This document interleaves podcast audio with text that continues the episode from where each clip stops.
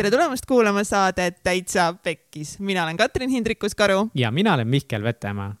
ja meie Täitsa Pekkis saates me räägime erinevate põnevate, ägedate, edukate inimestega nende eludest ja asjadest, mis lähevad pekki. miks nad pekki lähevad, kuidas nad pekki lähevad ja siis kuidas sellest kõigest võitjana välja tulla. ja tänases saates on meil külas, on meil külas Kätlin uh!, Jüri Saar, Boom. väga crazy naine. Te võib-olla ei tea, kes ta on, aga ta on uskumatult lahe naine. täna ta on Kohtla-Järve gümnaasiumi õpikeskuse juhataja ja projektijuht. Äh, aga enne seda, kui ta võttis sellise vastutusrikka koha vastu, on ta teinud igast äh, lahedaid asju. näiteks üks väga vinge asi on see, et ta aitas korraldada TEDx-i samal ajal, kui ta täiskohaga õppis bakas äh, ja samal ajal, kui ta täiskohaga õppis bakas, oli ta ka null koma kolme kohaga Schenkeris logistikafirmas, tegi mingit otsa, tegi otsa, noh, saad ikka, noor tüdruk tegi otsa. töötas nädalavahetusel stuudios garderoobis, lihtsalt haigelt töökas naine. aga tulles tagasi TEDx-i juurde, siis ta oli seal tiimijuht, ta oli koostöö ja partnerite valdkonnajuht, ta oli meelelahutusosa eestvedaja, ta oli kõnelejate otsija ja ta oli turunduse osas siis oli nii-öelda juht et tal oli palju vastutust seal ja see oli päris äh, crazy äh, kogemus talle. jah, ja ta on äh, saavutanud Võt. siis kaks cum laudet ehk siis ta paneb ülikoolis täiega hullu kõige muu asjade kõrvalt samal ajal kui korraldades kogu aeg üritusi, olles ka mm, selles, issand, ta oli Sotsiaalteaduste Ülikooli nõukogus, töötades veerand kohaga erinevates kohtades kõige selle juures ta lõpetas siis cum äh, laude'ga ära, ehk siis sel naisel on standardid äh, väga kõrgel. ning ta on samamoodi töötanud ka startup'is WePower projektijuhina, töötas Katapultis projektipõhiselt. ja ühel hetkel kõigest sellest sai tal külland ja ta sõitis jalgrattaga ära. aga see, kuidas tal küllalt sai, mis siis juhtus, kui suure hooga kõigest küllalt sai sellest ta räägib juba saates lähemalt. Kätlin on täitsa uskumatult äh, järjepidev ja sihikindel ja ta lihtsalt ei anna alla, no ta lihtsalt ei anna alla. ja see, mis ta nagu teinud on ja kui palju ta on kukkunud ja püsti tõusnud, siis uh, see story, see story saab olema teil põnev kuulamine täna. vot, nii et äh, head kuulamist sellega, aga kui millegipärast juba Kätlin osa peale hakkas, ma vahepeal hoopiski räägin seda juttu teile, et äh, kui te tahate meid toetada, et me saaksime teha ägedat asja teile, head asja, siis anna raha, noh. anna mulle, anna mulle raha. võta raha, anna mulle. ja siis me teeme ägedat asja. ja kuidas raha meile anda?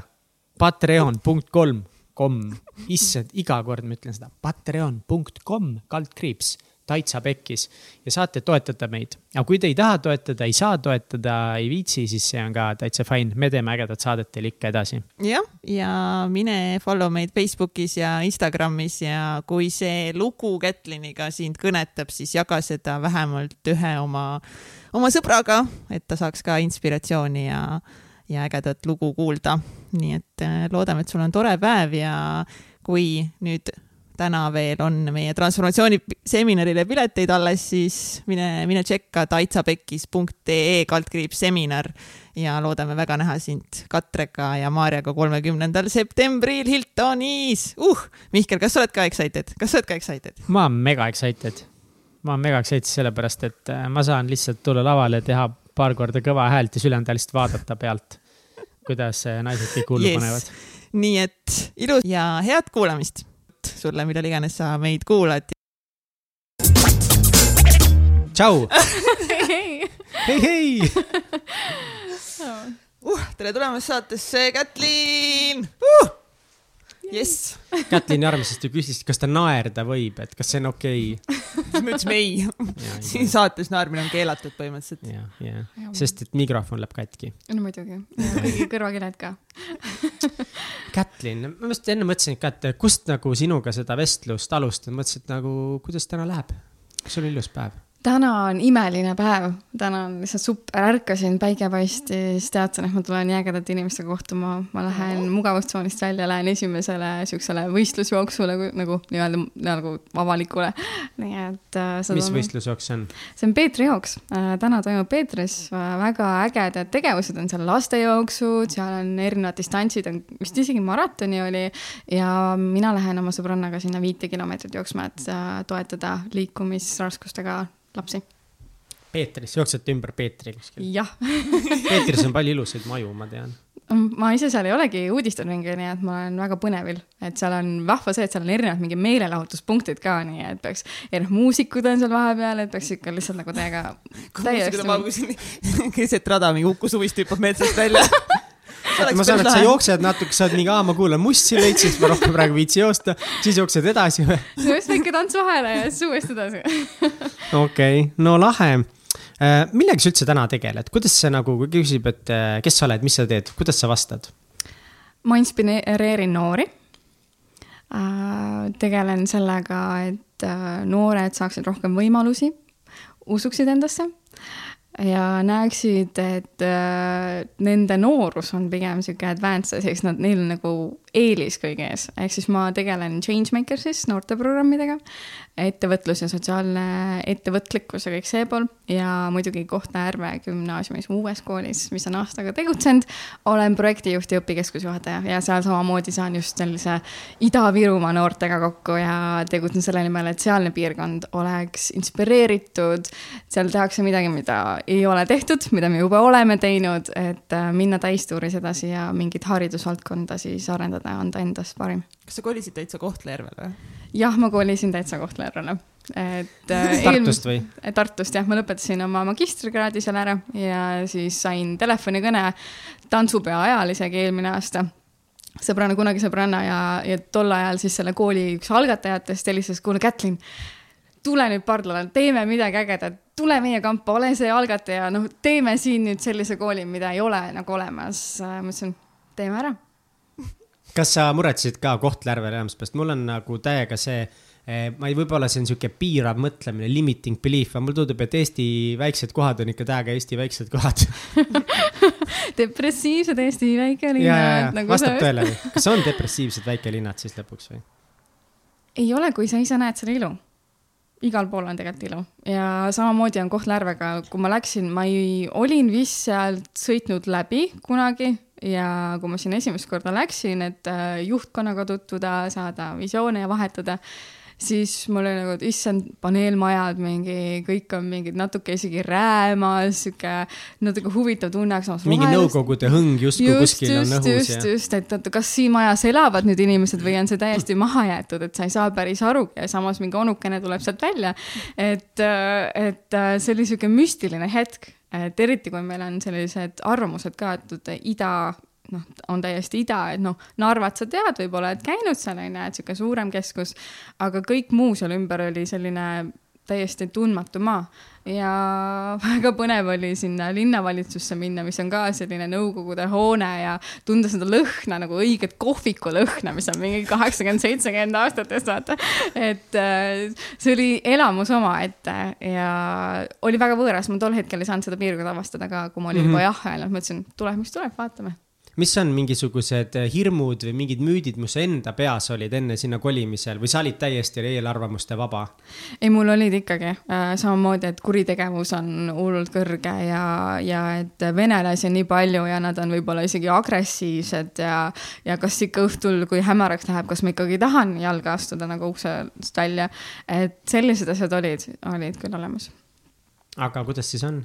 või kas sa oled ka, ka, oled sa seal üldse elanud ka nüüd või no ma olen seal olnud aasta aega. Aasta aega nüüd? ja, ja nüüd, kui mul puhkus läbi sai, nüüd ma olen uuesti seal, et äh, seal on väga huvitav, seal on väga ilusad piirkonnad, see kõik see rannikuala, kõik nagu tegelikult see on imeline paik, see on looduse mõttes on see nii rikkalik, mis ma nagu soovitan käia, kõik need ümberkaudsed nagu toilad ja asjad, seal on pargid, tõesti mingid kohad, kus käia nagu nautida loodust, noh, noh, ma ütlen, ma pööritan siin silmist, et seal on võimalusi nii palju. Ja noh, Sillamäel, noh, see on teine asi, sa mõtled, sa ei, võib-olla ei ole seal käinud, aga sa mõtled, oh sa raks, selline promenaad, selline allee, noh, kas meil tõesti on selline asi olemas, et hästi-hästi äh, vahva.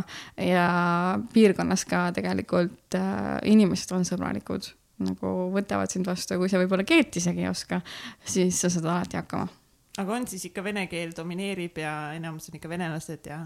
ja ikka vene keel domineerib, äh, tänavapildis äh, noh, kuuleb rohkem ikkagi vene keelt, nagu meil kooliski tegelikult suuremas osa on vene keelt kõnelevad noored. aga nad räägivad ka, noh, noored räägivad ka eesti keelt, et, äh, et nad saavad nagu hakkama. sa räägid vene keelt? ei, ei nagu tšut-tšut on see ja nii panimaju ja, ja nii kavarju paruski. Need on nagu peamised laused, eks ma nagu, see on see plokk endal, tegelikult saaks rohkem aru, aga see on nagu esimene asi, mis nagu käitumisest tuleb, aga mm, ei. oota, aga mis sinu täpsed ülesanded siis seal koolis on? minu ülesanne on projektijuhina siis esiteks äh, tuua nii-öelda ressursse ehk siis kirjutada muidugi projekte äh, erinevatesse äh, projektitaotlusvoorudesse, et saaks võimaldada midagi, siis minu eestvedada on suuremad projektid, näiteks eelmisel aastal äh, käivitasime täiesti noh, innovaatilise asja, ma arvan, et, et sealses piirkonnas aval-, nagu avasime konkursi Väike laul suurele lavale, mis oli Ida-Virumaa noorte omaloominguliste laulude konkurss. ja siis meil toimus suur kontsert, viissada inimest saalis kus mängiti orkestriseadetes siis noorte enda loodud lugusid ja siis äh, noored ise esitasid neid, oli noorteorkester ja kõik lauljad, asjad. et äh, see oli nagu noh, väga-väga uhke asi tollest piirkonnas, et umbes selliste projektide eestvedamine või mingite noh, mis on suuremad ampsud sellised mingid suured kontserdid, teadusvõistlused, äh, ägedate projektide tegemine, see on nagu minu valdkond ja õpikeskuse poole peal on selline luua koolis selline, no vanas mõistes on ta justkui nagu äh, raamatukogu natuke värki, ehk siis seal on nagu just need teadmiste omandamine ja need materjalid ja nendega tegelemine ja samuti siis luua, meil on niisugune õpikeskuse osa, kus siis äh, luua keskkond, kus noored tahavad tulla ka vahetunnis, saavad oma ideid ja mõtted vahetada. on meil mingid keelekohvikud seal, on mingid teemaõhtud, psühholoogia, mingid lõunapausid, kõikide nende asjade korraldamine, eestvedamine ja, jah. no mis on veel mingid müüdid väikeste linnade kohta? et inimesed on igavad, seal ei toimu mitte midagi, töökohti ei ole ja nagu igavus on see nagu mhm. justkui mm -hmm. märksõna, vaata, et nii, ja igav, ma täiega arvan, et need on igavad. miks sa arvad nii? sest nagu tundub, et midagi ei toimu, inimesi ei ole, tööd ei ole, mingeid kohvikuid väga ei ole, ma ei tea, vaata ongi, et see on need eelarvamused, ma pole näiteks Kohtla-Järvel, ma pole kunagi vist elus käinud ja ma ei kujuta ette seal elamist, sellepärast et ma kujutan ette elamist Tallinnas või Tallinnast veel suuremas linnas, kus nagu ainult elu pritsib umbes näkku sulle, aga, aga mis siis, mis siis, mis siis tegelikult on, kuidas siis on? väike koht. Pritsib. pritsib näkku. See oli nii hea praegu seal pritsib ka, kui sa ise pritsid mis on võlu, et sa saad ise pritsida. okei, ei nagu vot, see on, ma olen nõus, et nagu Tallinna elupritsmetesse ma väga palju ise juurde ei pritsi. kõik juba täis oh, usu, neid pritsmeid jagub igal pool, aga juurde veel, just. aga väikelinnadega või nende kohtadega on see nagu ilu et äh, saabki ise luua, et äh, tavaliselt äh, need kogukonna võlud ka, et kui seal on oma kogukond, kes tegutseb, see ühtsuse tunne, et sa ei ole suures linnas üksinda, sul on justkui oma pere ümber. Te aitate ennast erinevates valdkondades, kõik teavad kõiki nagu Eesti mõistes tegelikult ka me teame kõik, kõiki justkui, et, et tead ministrit, helistad kohe, tead mingid tähtsad poliitikud, ettevõtjad, kohe saad insight'i. ja samamoodi on tegelikult väikestes kohtades, et ette, kohalikud ettevõtjad, nad on alati in aitama, nad on nagu olemas need, kes viivad hääle võib-olla kaugemale. poliitikud saavad samamoodi väikest kogukonna siia laiemal pildil asjad edasi. et äh, ja need inimesed ise algatavad ja nende see siirus selle asja ärategemise juures on noh see on juba omamoodi inspireeriv, et sa teed iseenda ja teiste jaoks, sest et sa oled ise selle üks osa ja süda, vaata mm. -hmm. kas sa tunnedki, et, et nagu väiksemas kohas sa saadki kuidagi rohkem võib-olla väiksema ajaga nagu ära teha, seda impact'i luua rohkem kui võib-olla suuremates linnades? ei, seda kindlasti, juba nagu see aitab juurde, et kui ta on väiksem, sul on omad inimesed seal ja justkui seda võimalust ja ampluaad ei ole ka sest et noh, noortena on samamoodi, et äh, kui sa oled väikses kohas, siis vaadatakse, noh, näiteks mina kasvasin äh, Karksi-Nuias üles, mis on selline väike piirkond, on Viljandist kolmekümne kilomeetri kaugusel. et äh, no, noh, minul õnneks vedas see piirkond on nii äge koht, kus olla noorena, sest et võimalusi on, inimesed teevad kogu aeg. aga samamoodi ühel hetkel mul ei olnud võimalust seal jalgpalli mängida ja ma pidin Viljandisse minema. ehk siis tavaliselt väikeste kohtadega ongi nii, et, et sa ikkagi pead võimaluste saamiseks minema kuskile kaugemale. et aga, aga see ressurss, kui on inimesed, kes on hakkajad, siis sa saad tegelikult seda kõike enda piirkonda luua aga mis on mingi asi, mis on nii-öelda negatiivne ikkagi miinus, et sa pead nüüd tooma mingisuguse negatiivse küljega välja? muidu on, tead, kõlab liiga ebausutavalt kõik kolivad Kohtla-Järvele ära pärast seda saadet. on liiga hea no ikkagi nagu täiskasvanud inimeste töökohad on nagu see, et, et lihtsam on näiteks noortel luua võimalusi, aga luua sellist äh, suuremas koguses töökohti inimestele, mis võib-olla neid ära toidaks, see on nagu tegelikult ei ole niivõrd kerge. aga noh, see on ka jälle mõtlemisviisi asi, kõik on nagu võimalik, aga siis peab väga hästi teadma selle piirkonna eripärasid, äh, võib-olla olema valmis selleks, et sa teed midagi täiesti enneolematut, ehk siis sa näiteks toodki mingi toote või teenuse sinna, mis tegelikult muudaks selle võib-olla turistipiirkonnaks. et, äh, et siis on vaja seda rohkemat julgust ja hakkamist seal. aga jah, hetkel on need töökohad, aga õnneks nagu inimesed tegelevad sellega ka poliitilisel tasandil, et mm täiega tore, et sa nagu tegeled noortega ja sind huvitab väga noorte käekäik, see on nagu väga lahe ja sa oled ise ka väga noor inimene, aga, aga kui sa olid ise veel noorem, sa olid veel noorem, siis nagu ma oleks äh, ilgelt vana praegu või no nagu väga noor sinu silmis. ei, sa oled väga noor, aga sa olid veel noorem siis äh, sa olid ikka päris sõge naine nii. nii, räägi oma sellest ülikooli ajast. ülikooli ajast, äh, no ma õppisin Tallinna Tehnikaülikoolis, ma õppisin avalikku haldust ja riigiteadusi. ja ma läksin sinna, ma olin juba tegelikult varem olnud aktivist, et äh, noh, noorena mul oli ma ei tea, peaaegu kümme tegevust, et erinevad huviringid ja asjad, vedasin õpilasesindust, tegin õpilasfirmat ja kõik sellised teemad. ja ülikooli minnes ma leidsin, et see on nagu loomulik viis olla aktiivne või nagu vaadata, mis sul teha on ja anda nagu oma panus ka. ja no mis ma tegin, õppisin tublisti ja siis läksin üliõpilasnõukogusse, hakkasin seal asju korraldama, käisin tööl paralleelselt või mis sa täpselt soovid teha? väga hästi, juba läheb. nii äh,, sa käisid tööl paralleelselt, läksid üliõpilaste nõukokku, mis sa veel tegid, kas sa olid äh, mingites muudes organisatsioonides ka või rohkem ei olnud äh,? Viljandimaa noortekogus olin äh,, ehk siis, kui ma ei saanud, noh, füüsiliselt mõelda, aga ma olin seal sees äh, mingi aja ja issand, see on nii naljakas meenutada. mäletan, kui ma läksin esimesel aastal ülikooli, siis äh, Karksi-Nuias, noh, olid kohaliku omavalitsuse valimised ja siis seal äh, nagu äh, kohalik äh, poliitik siis kutsus mind äh, ka nii-öelda olema siis üks kandidaat ehk siis osaleda valimistel nii et ma osalesin valimistel, ma ei teinud ühtegi kampaaniat ja mul lõpuks siis neli häält oli said neli häält või? kas üks nendest oli su enda hääl? ei olnud ei olnud isegi enda hääl. Fun fact, ma olen ka kandideerinud kunagi Põhja-Tallinna valitsuses ja Eh, noh eh, teatavatel põhjustel ma pidin seal kandideerima ja siis eh, ka null kampaaniat nagu reaalselt lihtsalt ja ma sain mingi, ma ei tea, mingi kaksteist või viisteist häält nagu, siis ma olin lihtsalt nagu, kes need inimesed on, kes hääl, nagu noh. mina ei hääletanud su poolt vist. no, no tõenäoliselt sa oled Põhja-Tallinnasse sisse kirjutatud ka, onju. aa, no seda ka jah no. see väike asi õigus. ja ma ei saa, ja pluss ma ei saanud ise ka enda poolt hääletada nii et see on nagu sihuke põnev, et nii et. Eh, just, et siis ma olin nagu oma kogukonnaga ka seotud mm. ikkagi ja jah. aga miks sa tegid ikkagi nii palju asju, et sa õppisid ülikorralikult, sa käisid tööl ja sa siis veel tegelesid igasuguste noorteorganisatsioonidega või noorte esindustega, kas sa olid suhtes ka sellel ajal? jaa. kas sa olid suhtes ka veel? okei okay., et kuidas, miks sa tegid nii palju asju korraga? Minu jaoks oli see tavaline minu jaoks oli see lihtsalt üks elamise viis, minu jaoks ei olnud variant midagi mitte nagu mitte teha mm. -hmm. aga sa pidid tööl käima selle jaoks, et lihtsalt iseennast üleval pidada, elamiskulusid katta ja nii? just, just, just, et äh, me siin äh, rentisime Tallinnas, mis on mul ülimalt hea meel siin olla, et siinsamas Paldiski maantee ääres ühte poolt maja ja, ja seal siis äh, jah, aitasin emal ka nagu neid kulusid katta okei okay,, aga mis, kust sul siis tuleb see tohutu tahe nagu teha nii palju ja teha kõik hästi ka, et sa õppisid vist, kas sa lõpetasid cum laude või äh,? jah, ma keskkooli lõpetasin hõbemedaliga ja siis äh, baka ja magistri tegin mõlemad cum laude'ga ära. mõlemad mm? -hmm. sest äh, noh, miks mitte aga kuidas sinu jaoks välja näeb, kuidas, kuidas aega planeerida niimoodi, et jõuda neid asju teha, kuidas sinu tavaline päev välja nägi ülikooli ajal? Ülikooli ajal äh,, tavaliselt oli see nii, ma ärkasin ülesse, ma läksin näiteks trenni äh, ja pärast seda olid siis loengud.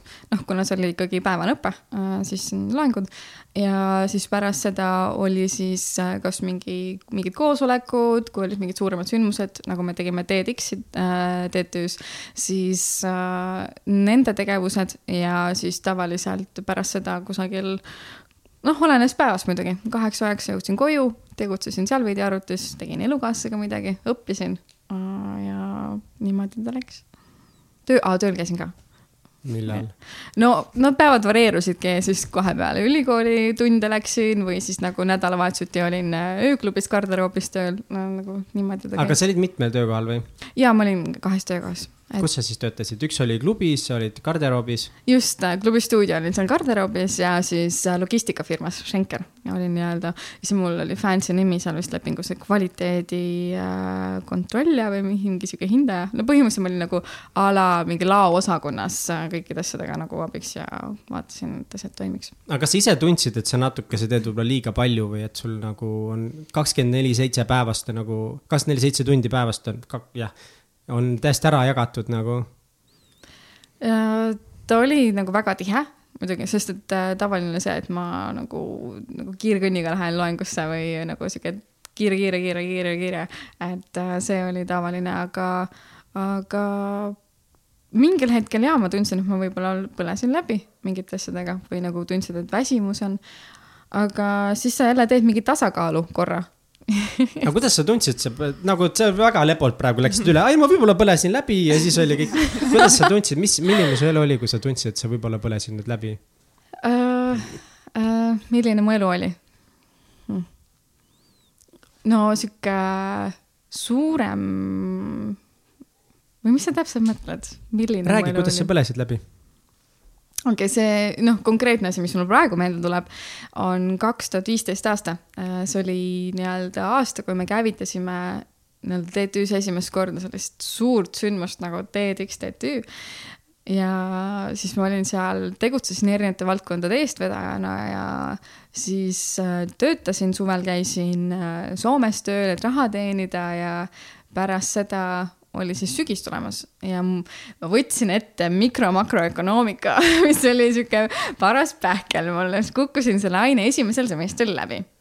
ja see oli nagu asi, millega ma ei tahtnud tegeleda, no see on noh, see on see vastikustunne, kui sa tead, et sa pead mm -hmm. midagi tegema ja, ja see on nagu ei tule sul üldse välja ja sa pead lihtsalt push ima ennast läbi.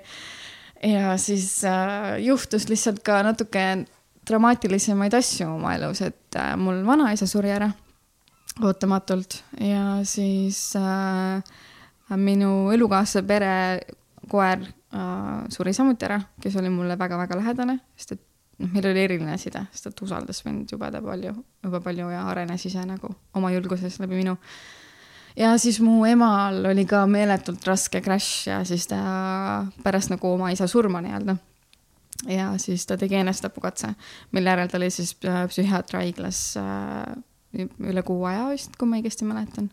ja siis selle aja jooksul pidingi kõige selle korraldusega tegelema, tööl käima, seda mikro-makroökonoomikat tegema ja hoidma ennast tervena ja enda, enda suhet tervena ja siis see oli jõhker laks tegelikult.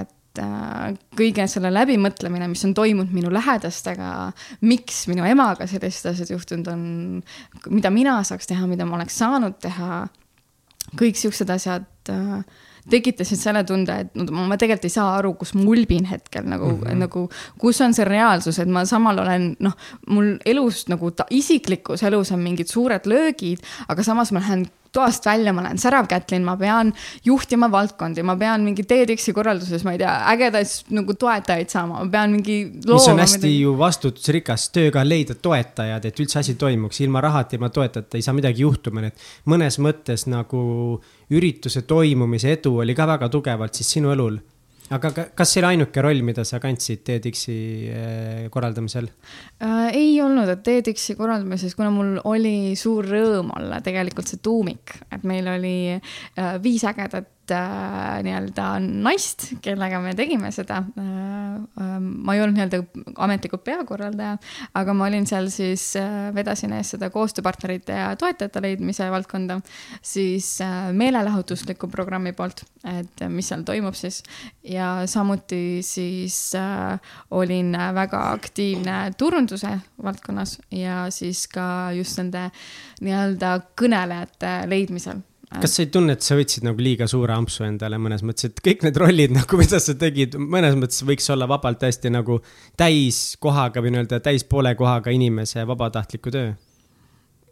minu jaoks oli see normaalne sest et mind kõnetasid kõik need mm -hmm. teemad. ma sain ise näiteks meelelahutusvaldkonnas, ma sain äh, lõpuks oli see, et meie avapauk oli mingi džembe trummidega, panime kokku mingi tantsu, mingi tantsijad koos džembedega ja ma olin ise üks džembe mängijatest.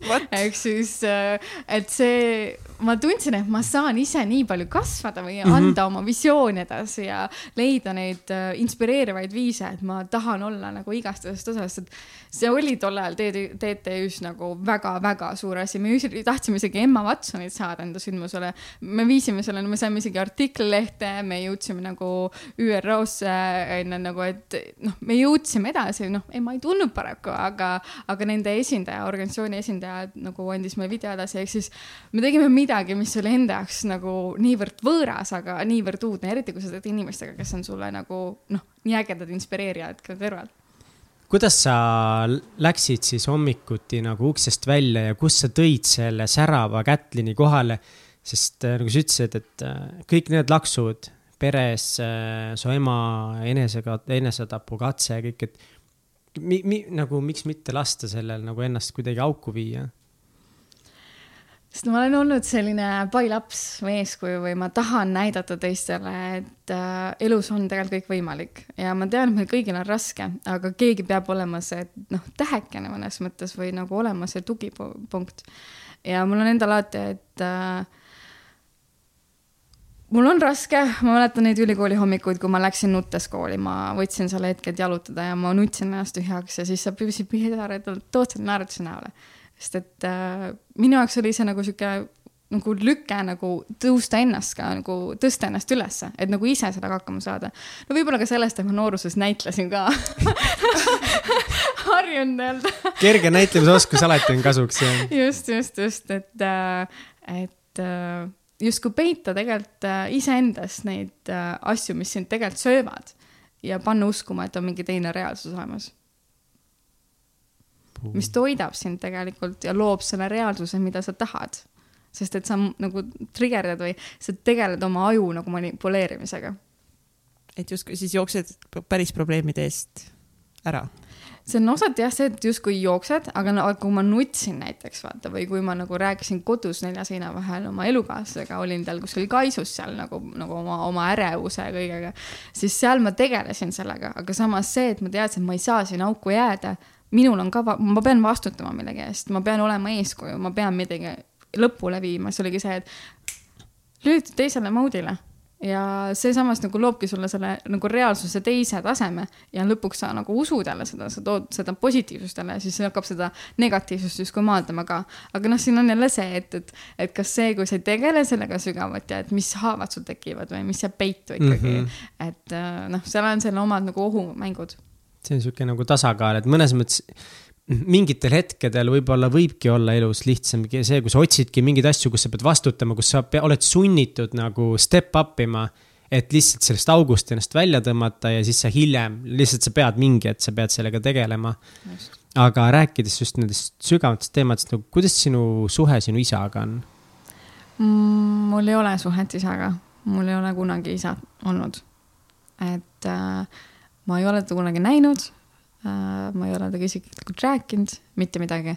et ma ainult tean seda, et äh, ta nimi peaks olema Edward ja, ja ta kolis kunagi Tallinnasse. ja tal on veel, minul peaks olema veel nii-öelda pool õdesid, pool vendi, noh, pool vendi on. ühel hetkel mul oli elus situatsioon, kus ma olin oma poolvennaga ühes liftis teadis, et tema on minu poolvend, aga tema ei teadnud minust midagi. et äh, jah, ei ole suhet isaga. ja kuidas see sind mõjutas noorena, väiksena lapsena, kui sa olid noorem, et, et kas sa küsisid, et kus sinu isa on oma emalt või, või kas sa nagu mõtlesid selle peale, et miks nagu sinul ei ole, et kui teistel nagu tuttavatel on? ma mõtlesin küll, aga huvitav on see, et ma ei mäleta ennast nagu nii väga uurivat, sest et meil peres ei olnud nagu tavaks rääkida sellistest mm -hmm. asjadest. Nagu kuidagi tead, ei sobinud ja läks ära ja kuidagi nii lihtsad selgitused oligi, et aga miks ei sobinud või nagu mis juhtus tegelikult, äh, kõik see on nagu avamata. ja noh, lihtsalt läbi selle vist kuidagi tuli, et ma ühel hetkel lapsena avastasin, et mul on alati räägitud, et mu isa on Edward, nagu Ets oli nagu hüüdnimeks. aga minu sünnitunnistusel on mu isa nimi Kaupo. et et, nagu, mis nüüd siis on, et see nagu, kust see tuleb. ja siis ma olen lihtsalt kuulnud mingeid väikeseid lugusid nagu noh, oma tädiga, kelle poolt ma olen, noh, rohkem on sihuke side. et, et ja, et lihtsalt oli mu ema elus olemas tol hetkel, kui mina sündisin ja kuidagi niimoodi ta lihtsalt kirja sai. täielik müsteerium nagu ühesõnaga aga sa mainisid sõna nagu, et, et mis siis ei sobinud või nii, et, et kas mingi osa sinust nagu tundiski nagu, no vaata, lapsed äh, suhestuvad asjadega tihti valesti ja nad ei saa asjade olemusest aru, kas sul tekkis nagu mingi tunne, et, et äkki, kas sina siis ei ole piisav, et kas sa sellepärast ka nagu proovid nii palju saavutada ja olla kõiges nagu mõnes mõttes ideaalne. et, et see standard, mida sina taga ajad, kasvõi need cum laude'd on väga-väga kõrge jaa, ma arvan kindlasti, nii palju, kui ma olen nagu enda sees nagu urgitsenud, siis äh, minu sisemus ei lase olla kehv, sest et äh, ma olen alati öelnud, noh, ma olen justkui see suguvõsa nagu mingi tähekene või nagu sihuke trofee. meil on Kätlin, Kätlin on nii tubli, Kätlin teeb seda ja seda ja seda ja nagu minult oodati palju. ja lõpuks ma kartsin neid ootusi nagu, nagu mitte täita et äh, ma mäletangi seda, kui ma ei julgenud koju minna, kui mul oli neli uh.. nagu neli. ja ma nagu kartsin. Ma ei saanud peksa ega mitte midagi, aga mm, -hmm. aga ma lihtsalt kartsin seda noh, rahulolematust, kuigi mul tegelikult seda ei näidatud välja, sest ma olin olnud tegelikult tubli. ja noh, lihtsalt endal on tulnud mingid siuksed arusaamad, et ei ole okei okay, nagu ebaõnnestuda või et äh, kui sa vahel valid midagi, mida keegi leiab, et ei ole nagu õige, siis et, et see on nagu halb. et äh, selline mõnes mõttes nagu ilusa portselaninuku nagu olemuse loomine oli nagu mul kuidagi muutus nii tavaliseks, aga see oligi see vajadus lihtsalt mõnes mõttes võib-olla tähelepanu saada. ja sama järgi on ka see, et et ollagi siis see tugipunkt, sest ma teadsin, meil noh, ma olen vaesest päris, peret päris, pärit tegelikult, et, et on nagu midagigi, mille üle uhkust tunda või et ma saan anda perele midagigi tagasi, et. toetada kuidagi oma ema või tuua talle mingit rõõmu siis nagu ellu. aga see koorem nagu, kas see ikkagi kurnas ka sind mingil määral või et sa nagu ütlesid, et sa kartsid neid äh, ootusi mõnikord mitte täita, kuigi nagu põhjendamatuteks, sest tegelikult sa olidki ülitubli. no kuidas sa selle koormaga hakkama said läbi nagu oma selle nooruse ja siiamaani elus? no väiksena ma pidasin päevikut ja nagu tegelikult see aitas palju.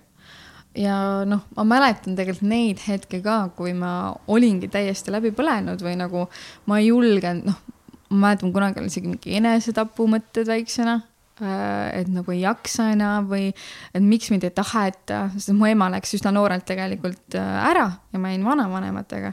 ja siis noh, tekkis see, et, et aga miks ma ei ole piisav või nagu miks, miks mind ei taheta kaasa, kuigi tegelikult mulle anti valida, kas ma lähen emaga kaasa või ei lähe. aga ma otsustasin tulla, oo sõbrad on siin, ma olen harjunud siin koolis käima, mul on siin väga tore olla ja ma jään nagu siia. uh, kui raske, kes annab lapsele selliseid valikuid nagu mõnes mõttes kui noor sa olid siis? Äh, ma ei mäleta seda, äh, kas see oli kaheksa, üheksa, äkki midagi sellist aastat vana. et ema, ema läks ära ja sa jäid siis äh, vanaema vanaisaga? just, just, ema läks nagu ta Tallinnasse paremat tööd leidma, et, et piirkonnas ei olnud neid võimalusi. ja siis põhimõtteliselt vanaema ja vanaisa kasvatasidki sind või? jah, kasvatasid küll, nad äh,, ma olen meeletult tänulik selle eest, et nad andsid oma nagu hinge ja kogu pühendumise mulle ja noh, selles mõttes, et jah, aga vaata, kui sa teismeline siis sul ikkagi on emotsioone ka ja siis ma ikka mingi raksutasin vanaemaga, kui ma tahtsin selguga kooli minna talvel, et ja kõik siuksed asjad, aga kuna meil perekonnas äh, oli tavaks ka suitsetada, eks mu vanem-vanaisa suitsetasid ja noh, üldse tegelikult mu ema ka suitsetas, siis meil ei pandud nagu köögiust kinni, ehk siis tuba oli mingi suitsune ja ma läksin kooli nagu suitsuhaisuga ja mul olid nagu alaväärsuskompleksid tekkisid sellega, et ma tundsin, et ma olen midagi vastikut, et, nagu kaasõpilased, mingi nagu keegi haiseb suitsuvärgi vaata ja nagu siis mm -hmm. sa oled nagu, et issand, see olen mina ja ma ei saa midagi teha, et ma mingi peitsin oma riideid kappi, üritasin tuulutada neid ja ma ei saanud midagi teha ja mul oli see kaasas. ja siis äh, mingil hetkel ma tundsin nagu vastikust teismelise eas ma nagu ei saa seal keskkonnas olla, mul on nii ebamugav siis elu tõi mu kui ma olin neliteist, äh, ei kolmteist tol hetkel, äh, tõi mu ellu nagu võrkpalli nii-öelda mängu ajal ühe noormehe, kes hakkas nagu, kellele ma hakkasin meeldima, siis ta hakkas nagu tähelepanu püüdma. siis mingi aasta aega mingi sõbrunes minuga ja mingi üritasime, nagu siis ta nagu sai mul nagu lähedaseks, siis ta sai nii-öelda minu esimeseks armastuseks ja boyfriend'iks. ja siis üsna pea ma kolisin nende juurde, ehk siis ma neljateistkümne aastaselt kolisin ära ja elasin siis äh, oma tolleaegse nagu poissõbra või elukaaslase pere. neljateistaastaselt kolisid ära, jah? jah. aga siis ma kujutan ette, et, et siis äh, sinu äh, poisi vanemad mõnes mõttes nagu said aru, olid nagu nõus sellega jah, sest et sa nagu tundsid ka, et võib-olla sul ongi nagu siis vaja keskkonda, keskkonnamuutust või? ja no nemad ei teadnud seda tausta. ei teadnud no,? ei teadnud seda tausta. aga nad ei uurinud või? äh,? ei, aga see oli see, et nagu noh, tolleaegsem nii-öelda boyfriend, see nimi oli Kristjan ja Kristjanil oli imeline ema Elle ja noh, tema oli nagu poest olev müüja ja nagu ta oli mind näinud, ehk siis me olime nagu selles mõttes, et nagu, nagu, nagu teadsime üksteist enam-vähem. ja ta oli minust nii in, ta oli nagu, ma nii meeldisin talle, ta täiega võttis mind vastu, ma olin talle nagu oma tütar. ja see oli see nagu, kuidas ma jõudsin tegelikult sinna. Ja siis kuidagi lähed algul külla ja siis ma kuidagi justkui ei olnud kolinud, ma nüüd täna kolin, see oli lihtsalt, et kuidagi järsku ma olin seal ja järsku ma jäin sinna, et ja lihtsalt, et ma olin niisugune pereliige aga mis su, sinu vana, vanavanemad arvasid sellest uh,? no kuna see käi-, läks kuidagi nii ootamatult, noh, selles mõttes mitte ootamatult, aga kuidagi nii loomulikult, siis mu vanaema nagu, ma ei mäleta seda, et oleks mind veennud, et tule tagasi koju uh,. ta ikkagi ootas muidugi seda, aga ta kuidagi aktsepteeris seda et tõesti käis külas, tõi mul mingeid asju, ta sai ka nagu uh, Ellega, noh, ehk siis selle pereemaga väga hästi, nagu hästi läbi. nagu jah nagu crazy lapsepõlv mõnes mõttes. sul on müstiline isa ja sa pead neljateistaastaselt vahetad veel nagu kodu, lähed poisi juurde elama ja sihuke. oota, aga mis, mis hetkel ikkagi sul mingid enesetapumõtted tekkisid või mis nagu sinna viis? no see oli nagu just selline üheksa-kümme, ma arvan, vanuses. no oligi, kui ma emaga mingil hetkel kontakt oli nii väike isegi, et ma rääkisin nagu võib-olla poole aasta jooksul ühe korra telefonikõnega. ja suvel ma nägin teda, noh, läksin talle külla ja siis ma nägin teda. noh, ongi see, et kuna ma olin selline iseseisev ka, ehk siis ma õppisin üksinda, keegi ei õpetanud mulle mingil peale esimest klassi ma olin täiesti iseseisev. et äh, ma mingil hetkel tundsin, et nagu keegi ikkagi ei tunne siirast huvi või, või, või noh, ma ei saa ikkagi rääkida neid asju, mis mul hingel on või nagu, mis igapäevaseltki toimub või seesama asi, et ma tundsin tegelikult ennast meeletult halvasti, et meie kodus suitsetatakse ja ma pean tundma ennast nagu nii ahistatuna seal, et äh, noh, kõik see nagu sõi mind meeletult palju ja see oli nagu, et aga miks mind tegelikult siin vaja on, mul ei ole isa, kes mind, ei ole mind tahtnud uh,. mul on ema, kes läks mu juurest ära. ma lihtsalt teen asju, et olla nagu kiire, kiire, kiire, pisi, pisi, pisi onju, et uh, teha midagi võib-olla, et mul oleks tore, põnev, vahva, aga, aga ikkagi mul nagu justkui pere, toimivat pere ei ole mingi vanema vanaisa, see ei ole tegelikult nende töö mind kasvatada noh mm -hmm., sealt see konflikt tekkis, justkui oleks nagu mingi orvukene, kes on kuskile jäetud. ja kuidas sa täna nagu suhestud sellega või kuidas sa tegelesid sellega, oled sa tegelenud sellega? olen küll, aga see on progressis nii-öelda, et äh, kõik alles nagu tegelikult noh, ma hakkan ennast nagu avastama selles mõttes või lah-, lahti laskma sellest, et, et ma noh, ma tean, et ma olen nagu mu tädi, kellega mul on rohkem nagu sidet olnud on rääkinud mulle nagu sellest hetkest, et ma noh, mu ema sai mind väga noorelt ta sünnitas vist, kui ta oli kaheksateist, aga ta oli nagu olnud tegelikult seitseteist, kui kõik see, kõik see juhtus, et ta oli meeletult noor. ja et ta tegelikult tahtis abordi teha. ehk siis ma ei olnud oodatud siia maailma ja, ja see on nagu löönud selle alateadvusesse mingisuguse no mingi tooni või mingi maigu, samamoodi, mis ma mainisin, et ma ei ole loodud siia, sest mind ei tahetud siia tegelikult, et. et kui ei oleks olnud näiteks, oleks olnud mu tädi võib-olla, kes oleks öelnud temale, et ei, noh, tema sai ka väga noorelt enne mu ema nagu lapse. et ei, see on kõik okei okay,, onju, et me saame hakkama, et, et ära nagu mõtle sellise asja peale. kui võib-olla ei oleks olnud sihukest kolmandat osapoolt, mind võib-olla ei oleks praegu siin. aga samas, kuhu ma nagu jõudnud olen sellega, et noh tegeleda sellega, et, et ma ei, et ma ei tunneks nagu võib-olla isegi viha nagu ema vastu, et ta nagu ära läks või et meil ei ole seda sidet, et ei ole nagu ikkagi pingutanud justkui, et olla nagu hea ema. siis on see, et ma tahan astuda tema kingadesse. tema kasvas üles veel raskemas perekonnas, vanaisal oli alkoholiga probleeme, mingi, ajas lapsi kirvega taga, et noh olid olukorrad, mis olid väga-väga rasked, sest et tol ajal ei olnud ju tegelikult suhetes ka sihukest avatust ja kui yeah, sul oli yeah. rahadega probleeme, laenude võtmised, nende tagasimaksmised on keerulised, et kõik sellised teemad, tema on olnud veel hullemas olukorras kui mina. mis, mida tema pidi mõtlema, kui tal ei ole nagu sihukest siirast mõistmist oma vanematega, onju, et nagu ta võib-olla tundis ennast nagu veel rohkem üksikuna pole ime, et sa tahad nagu, nagu leida lahendusi, kiireid lahendusi ja tema jaoks oligi tol ajal nendes olukordades parimad valikud üldse ja see, et mina aktsepteerin seda, võtan seda, et ma nagu andestan talle seda, nagu et mul ei ole, tegelikult mul ei ole talle midagi isegi andestada, see oli nagu tema eluolukord. et see ongi okei okay,, meil kõigil on raskus ja me teeme oma nagu hetkes parimaid valikuid. et nagu selle aktsepteerimine ja nagu noh, vesteldagi iseendaga, et kuule, kuule, kuule, kuule, mis mõttes sa ei ole nagu väärt või mis mõttes sind ei ole tahetud. sa oled tahetud siia ilma. see, et ta tol hetkel võib-olla mõtles, oleks teinud, see ei, see ei ole tema laia pildi soov. ta on mulle öelnud, et ta armastab mind, ta hoolib mm -hmm. minust ju eluajal tegelikult palju noh, et ta mulle tänulik ja kõike seda, et võta sellest, see on see, kuhu ta kasvas, vaata, et ta sai aru, et ohoo, tol hetkel ma mõtlesin küll nii, aga jumal tänatud, et ma ei teinud nii, jumal tänatud, et mul olid nagu teised inimesed ümber. noh, ja ma keskenduksin pigem sellele. noh, ja ongi see, et nagu selle enesekindluse kasvatamine on läbi selle. ja seal on veel tööd teha rohkem aeg ma joon vett selle peale. joo vett selle peale aga kas sa oled mõelnud ka selle peale, et, et oleks võinud nagu teistpidi minna, et noh, et sinust sai selline overachiever, aga versus see, et sa oleks võinud hoopis teist teed pidi minna, et eh, ka hakata alkoholi tarbima ja ütle, mis noh, mind ei ole üldse tahetud siia ja noh, lähed nagu teist rada pidi.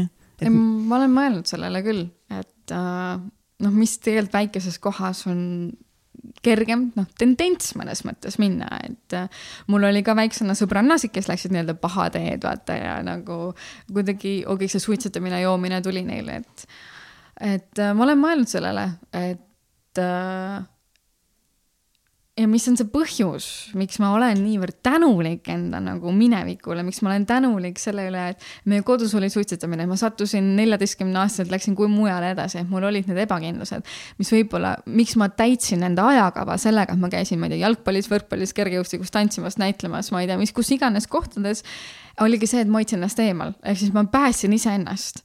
aga nagu, mis ma olen ka mõelnud, aga miks ma olen selline olnud, nagu tegelikult ma olen meie suguvõsas äh, nagu mõnes mõttes täiesti vastand nagu sellele mustrile. ma ei tea seda vastust, aga ma olen, usun, et meil on kõigil see sündimusega nagu tulnud või nagu sünniga kaasas mingi, mingi, mingi oma element. mulle on lihtsalt antud nagu äh, ma ei tea, inglite või mis iganes poolt see õnn murda lahti võib-olla. aga samas, kui mõelda sellele, et võib-olla need kõik need ebakindlused, see, et mind ei taheta, ma ei ole piisavalt hea, miks ma toitsen ennast just sellega, et ma pean saavutama midagi, ongi see, miks ma olen siin. Yeah.. ja ma ei läinud selle nagu augu sisse. Lõpuks see on nagu meil kõigil on nagu see valik vaja teha, et äh, lihtsalt mõni võib-olla teeb hiljem, varem, meil on keegi saates öelnud ka, et kas see ütles Katter või keegi, et noh, et, et sul on nagu teatud mingid õppetunnid, mis sa pead kätte saama. Ja mõni saab need õppetunnid kiiremini, mõni varemini, et sina võib-olla sa võtsidki kohe need õppetundidena ja sa nagu ütlesid, sa päästsid iseennast ja sa panid ennast nendesse olukordadesse, mis tegelikult viisid sind edu poole, mis kaasa tõid ka hiljem läbipõlemised, aga samas sa nagu läksid tegelikult õiges suunas ja mõnikord mõni, mõnel läheb kauem, et mõni peabki läbi elama rohkem selle raskema poole, olema kehvas suhtes pikka aega, võib-olla olema nii-öelda halval teekonnal pikka aega mm, -hmm. pidutsemised, narkootikumid, mis iganes mm. -hmm. aga lõpuks nad teevad selle otsuse, nad peavad mingi hetk selle otsuse tegema, siis kui nemad on oma need õppetunnid äh, kätte saanud just, ja siis sellel hetkel nagu toimubki see murdepunkt või midagi. no mul, mul tegelikult oli suure plussina see, et mul oli tädi, kes oli mu eeskujuks. Ta oli ka läinud täiesti noorena, sai seitsmeteistkümne aastase lapse, läks nagu teise linna elama, sai väga hea töökoha, läks juhtivale positsioonile, nagu ma nägin teda nagu tugeva isiksusena, kuhu mina tahtsin nagu jõuda. et kui sul noh ongi see. role model peab ikka olema. just, et kui sul on olemas vähemalt keegigi kõrval ka, kes nagu tundub, et ohoo, ükskõik, mis olukord sul elus on, et ohoo, ma tahan sinna pürgida, siis noh, see ongi see tegelikult jõud. Ma ütleks, et see ei pea isegi olema nagu lähedane inimene, et, et see on väga hea, kui sul on mm -hmm. võtta keegi lähedalt, aga kui, aga kui sa, kui sa tead, mis sa tahaksid olla, siis lihtsalt tuleb leida kuskilt see see eeskuju, ma, siis märkmikusse, ühte märkmikusse ah,, boss baby, mis boss babe, mitte boss babe, vaid see, ei, sina oled iseenda boss või, mis see, mis Signe teeb? ja, ja, ja, ja, iseenda boss. iseenda boss, ja, ja, ja. et Signe teeb iseenda bossi märkmiku, siiamaani täidan seda, seal oli ka ühes kohas nagu, kirjutasid inimesed, et seal nagu see ülesanne vist oli teistmoodi, kirjuta lihtsalt inimesed, kellega nagu sa tahad nagu vist suhelda või tuttavaks mm -hmm. saada, aga ma panin nagu, et ma panin valdkondade kaupa, kes võiksid olla minu nagu eesmärgid, et kui on podcast, kelle moodi ma tahan podcast'is olla, et kelle mhm. poole ma nagu vaatan ja nagu sealt vist ma ei tea, mingi seitsmest nimest võib-olla kolme ma vist ainult nagu tean nagu inimesena mm.. kas kaugemalt või lähedalt ja neli on nagu täiesti teisest maailmast kuskilt Joe Rogan või? no absoluutselt näiteks. no elu ei tea kunagi, onju. aasta pärast võib-olla on need järgmised neli ka sellised tuttavad.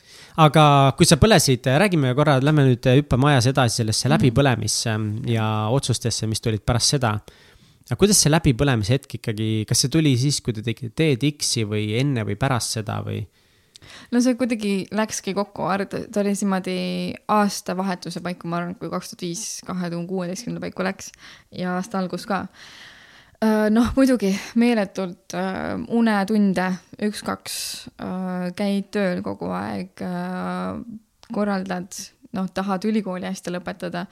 et äh, kõik see, viis selleni, et ma nagu tihtipeale ma tegelikult ongi, sa nutad endamisi, sa tunned, et ma ei jaksa, ma ei suuda, ma ei taha. ja siis võtad ennast jälle kokku ja siis tuleb see jälle sama tsükkel ja niimoodi on niimoodi, et elab päeva üle, õhtud jälle rasked ja niimoodi ta läheb, et et, äh, et aga no sa pidid aru saama, et see ei ole normaalne, sa ütlesid küll enne, et aa ei, et see on normaalne, aga tegelikult sa said ju aru, et see ei ole normaalne. muidugi sain, muidugi sain, aga mulle oli niivõrd lihtne nagu peita seda.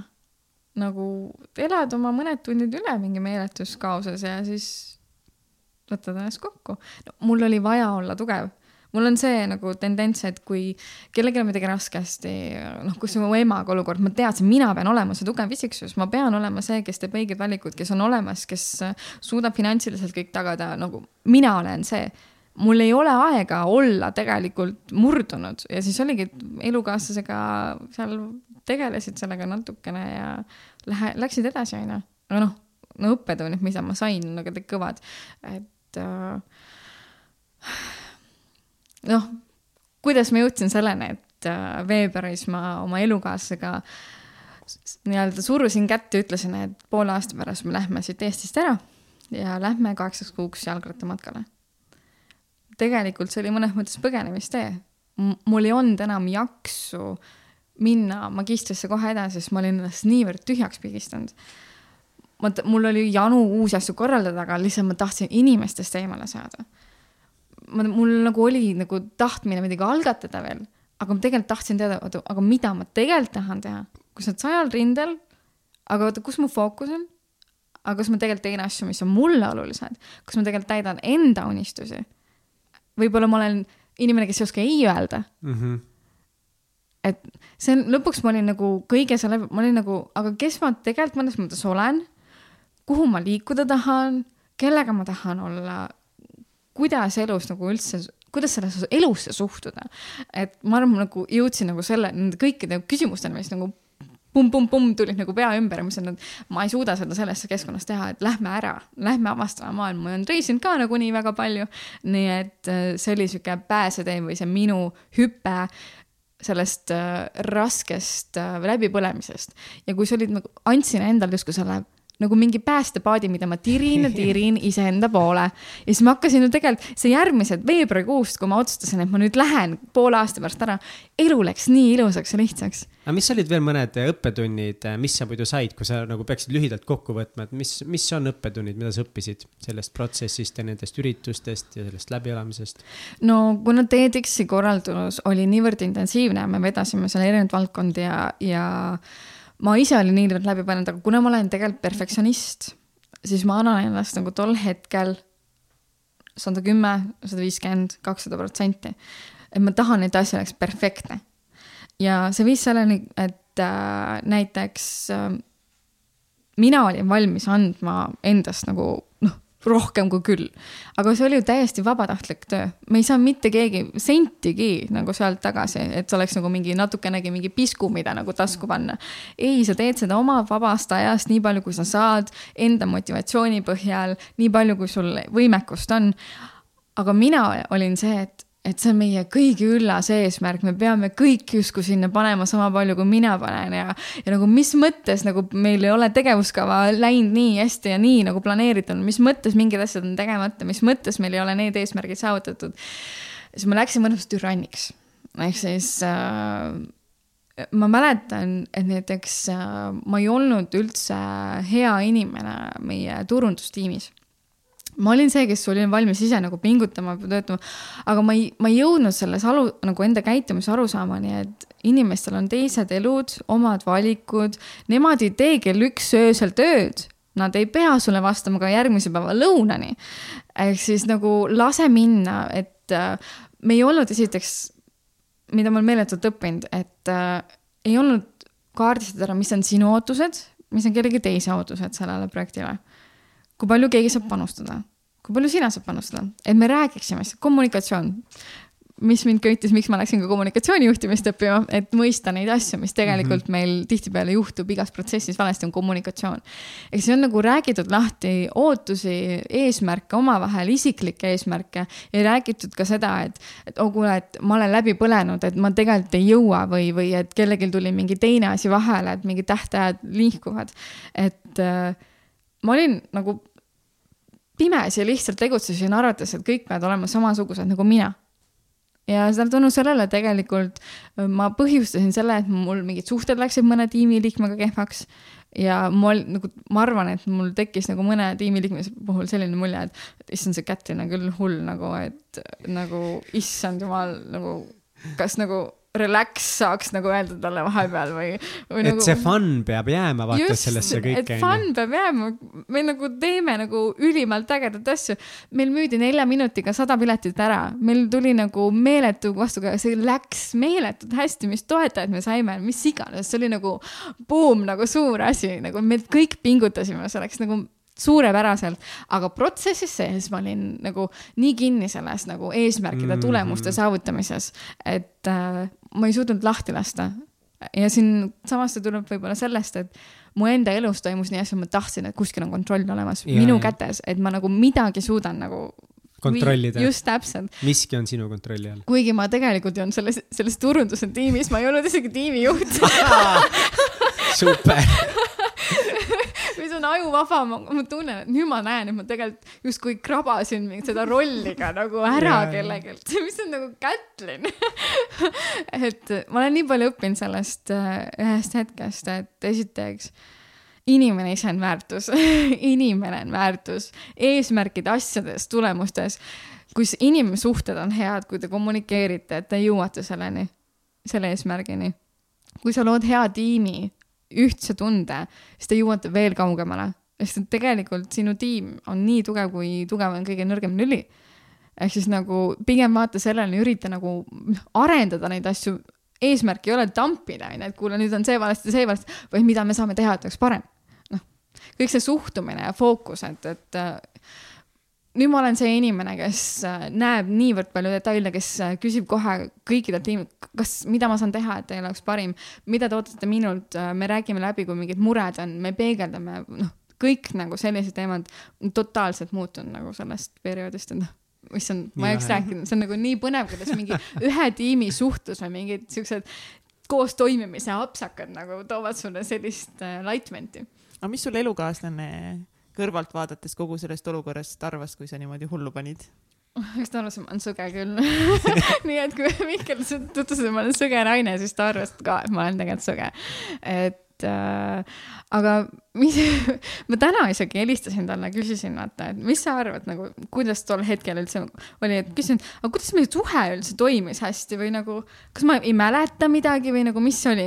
siis ütles ka taga, et, et noh, ma olin ikka hull küll, et ma töötasin nagu, nagu täiesti nii crazy'lt, aga positiivne oli see, et esiteks, et ta armastab vahel üksi olla ja et äh, ma ei olnud päris selline ka, kes teda näiteks lohakile jätaks, nii et me ikkagi tegelesime suhtega ka. et te ikka need ühised ajad koos leidsite, kus te tegite midagi koos, läksite kinno, veetsite aega koos? just, just, just, meil olid need crazy teisipäevad, kui olid nagu mingid sooduspiletid miinus viiskümmend või mis iganes see diil oli. Läksime kinno, kuna me elasime mere ääres ka, mere ääres jalutuskäigud ja noh kuna mul tegelikult kasvasid ka asjad ülepea kogu selle mitme töökohaga, siis äh, ma kaasasin nagu mu elukaaslane nimi on Ats äh,, Atsi äh, nagu sellesse, et tema hakkas ka, tuli sinna töökohta jagasime päevi, millal mina saan, millal tema ei saa, kui mul on mingi periood, et mul on raskem, siis läks tema tööle.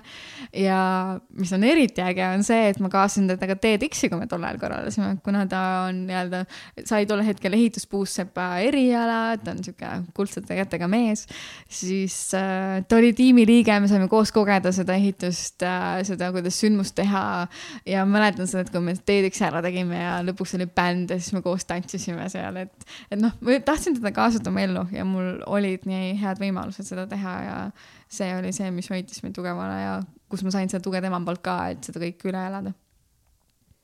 aga miks te, miks sa otsustasite seda, et põgeneda just rattamatkal nagu noh, nagu davai, et mingi Vietnamisse, oh noh, lennupiletid, et nagu põgeneks sinna. jah, aga seal sa no, lebo ju lihtsalt oled palmi all või värki, et miks mitte kuskile palmi alla või mm? -hmm. no esiteks oli tol hetkel veebruaris oli see, kus ma olin, et ma tahan midagi muud. kui see ülikool läbi saab, ma tahan noh, midagi täiesti uut ja ma ütlesin, et oh kuule, et mis sa arvad, võiks midagi teha.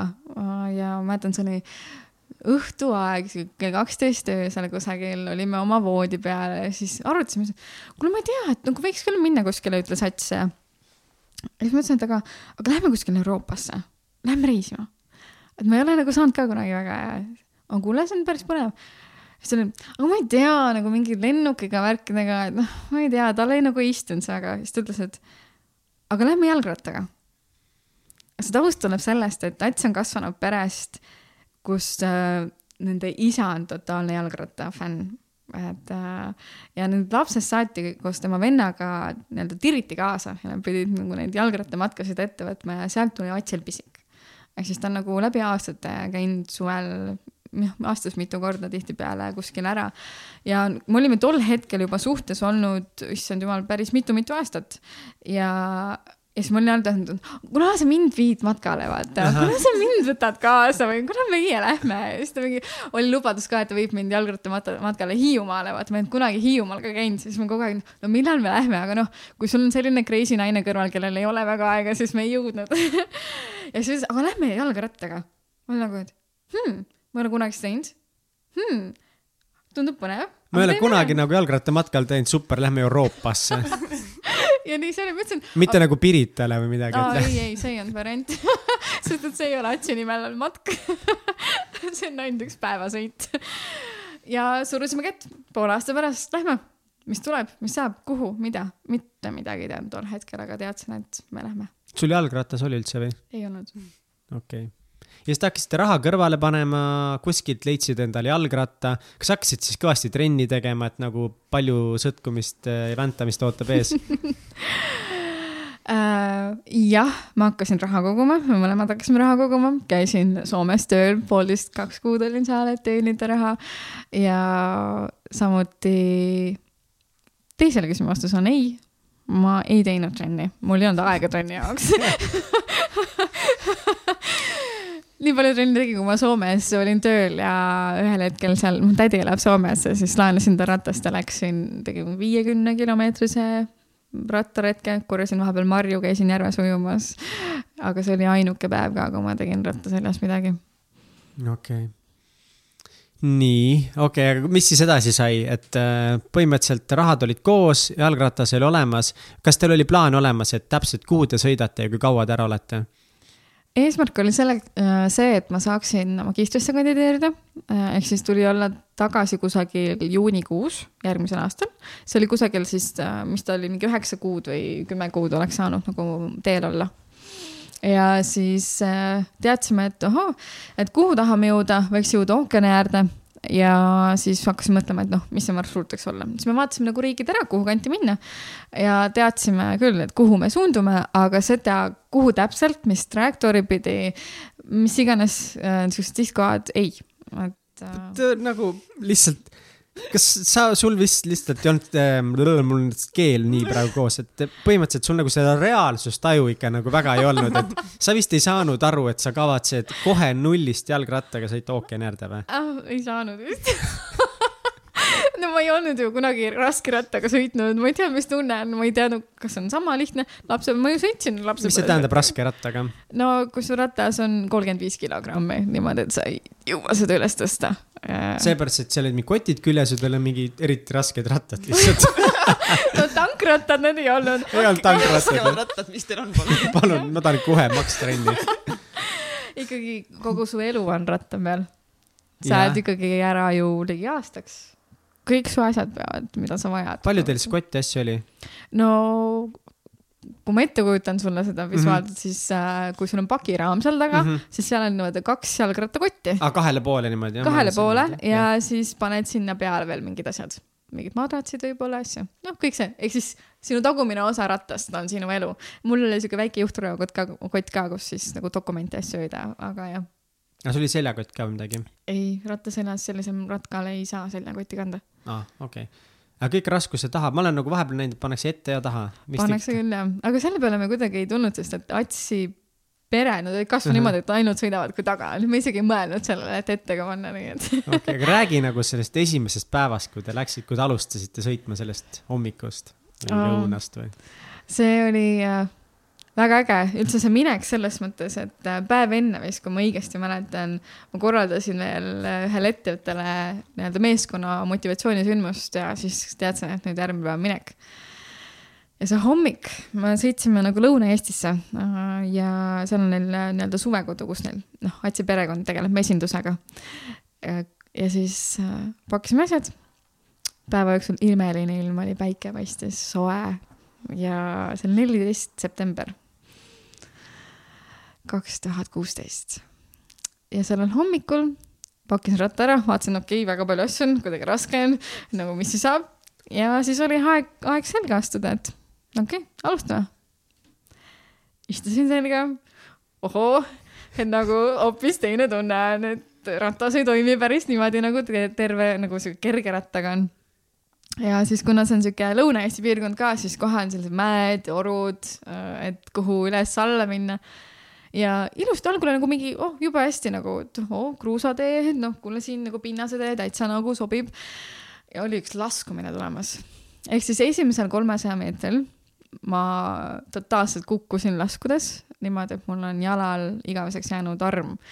ja see arm on äh, müstilisel kombel meenutab äh, lõpmatuse märki et äh, ehk siis ma sain siukse paraja jalatrauma kohe alguses. päris hea algus rattamatkale ookeani äärde. ma kujutan selle kolmekümne viie, viie kilose rattaga, siis võib väga valus kukkumine ikka olla. no ja see oli see kodar, vaata, kus on need teravad yeah. hääred ka, et see lõigi mulle selle Oh. oh. nagu kodara sinna säärde, noh, nii-öelda selle põlve kõrvale sisse. et äh, siis oli seal natukene verd ja asju ja mingid noh, liiv läks natuke sinna sisse ka ja, aga mis seal ikka, püksid peale aga sul ei olnud seda mõtet, et ah fuck, et mingi jätame ära, et lähme homme proovime homme uuesti või? ei olnud.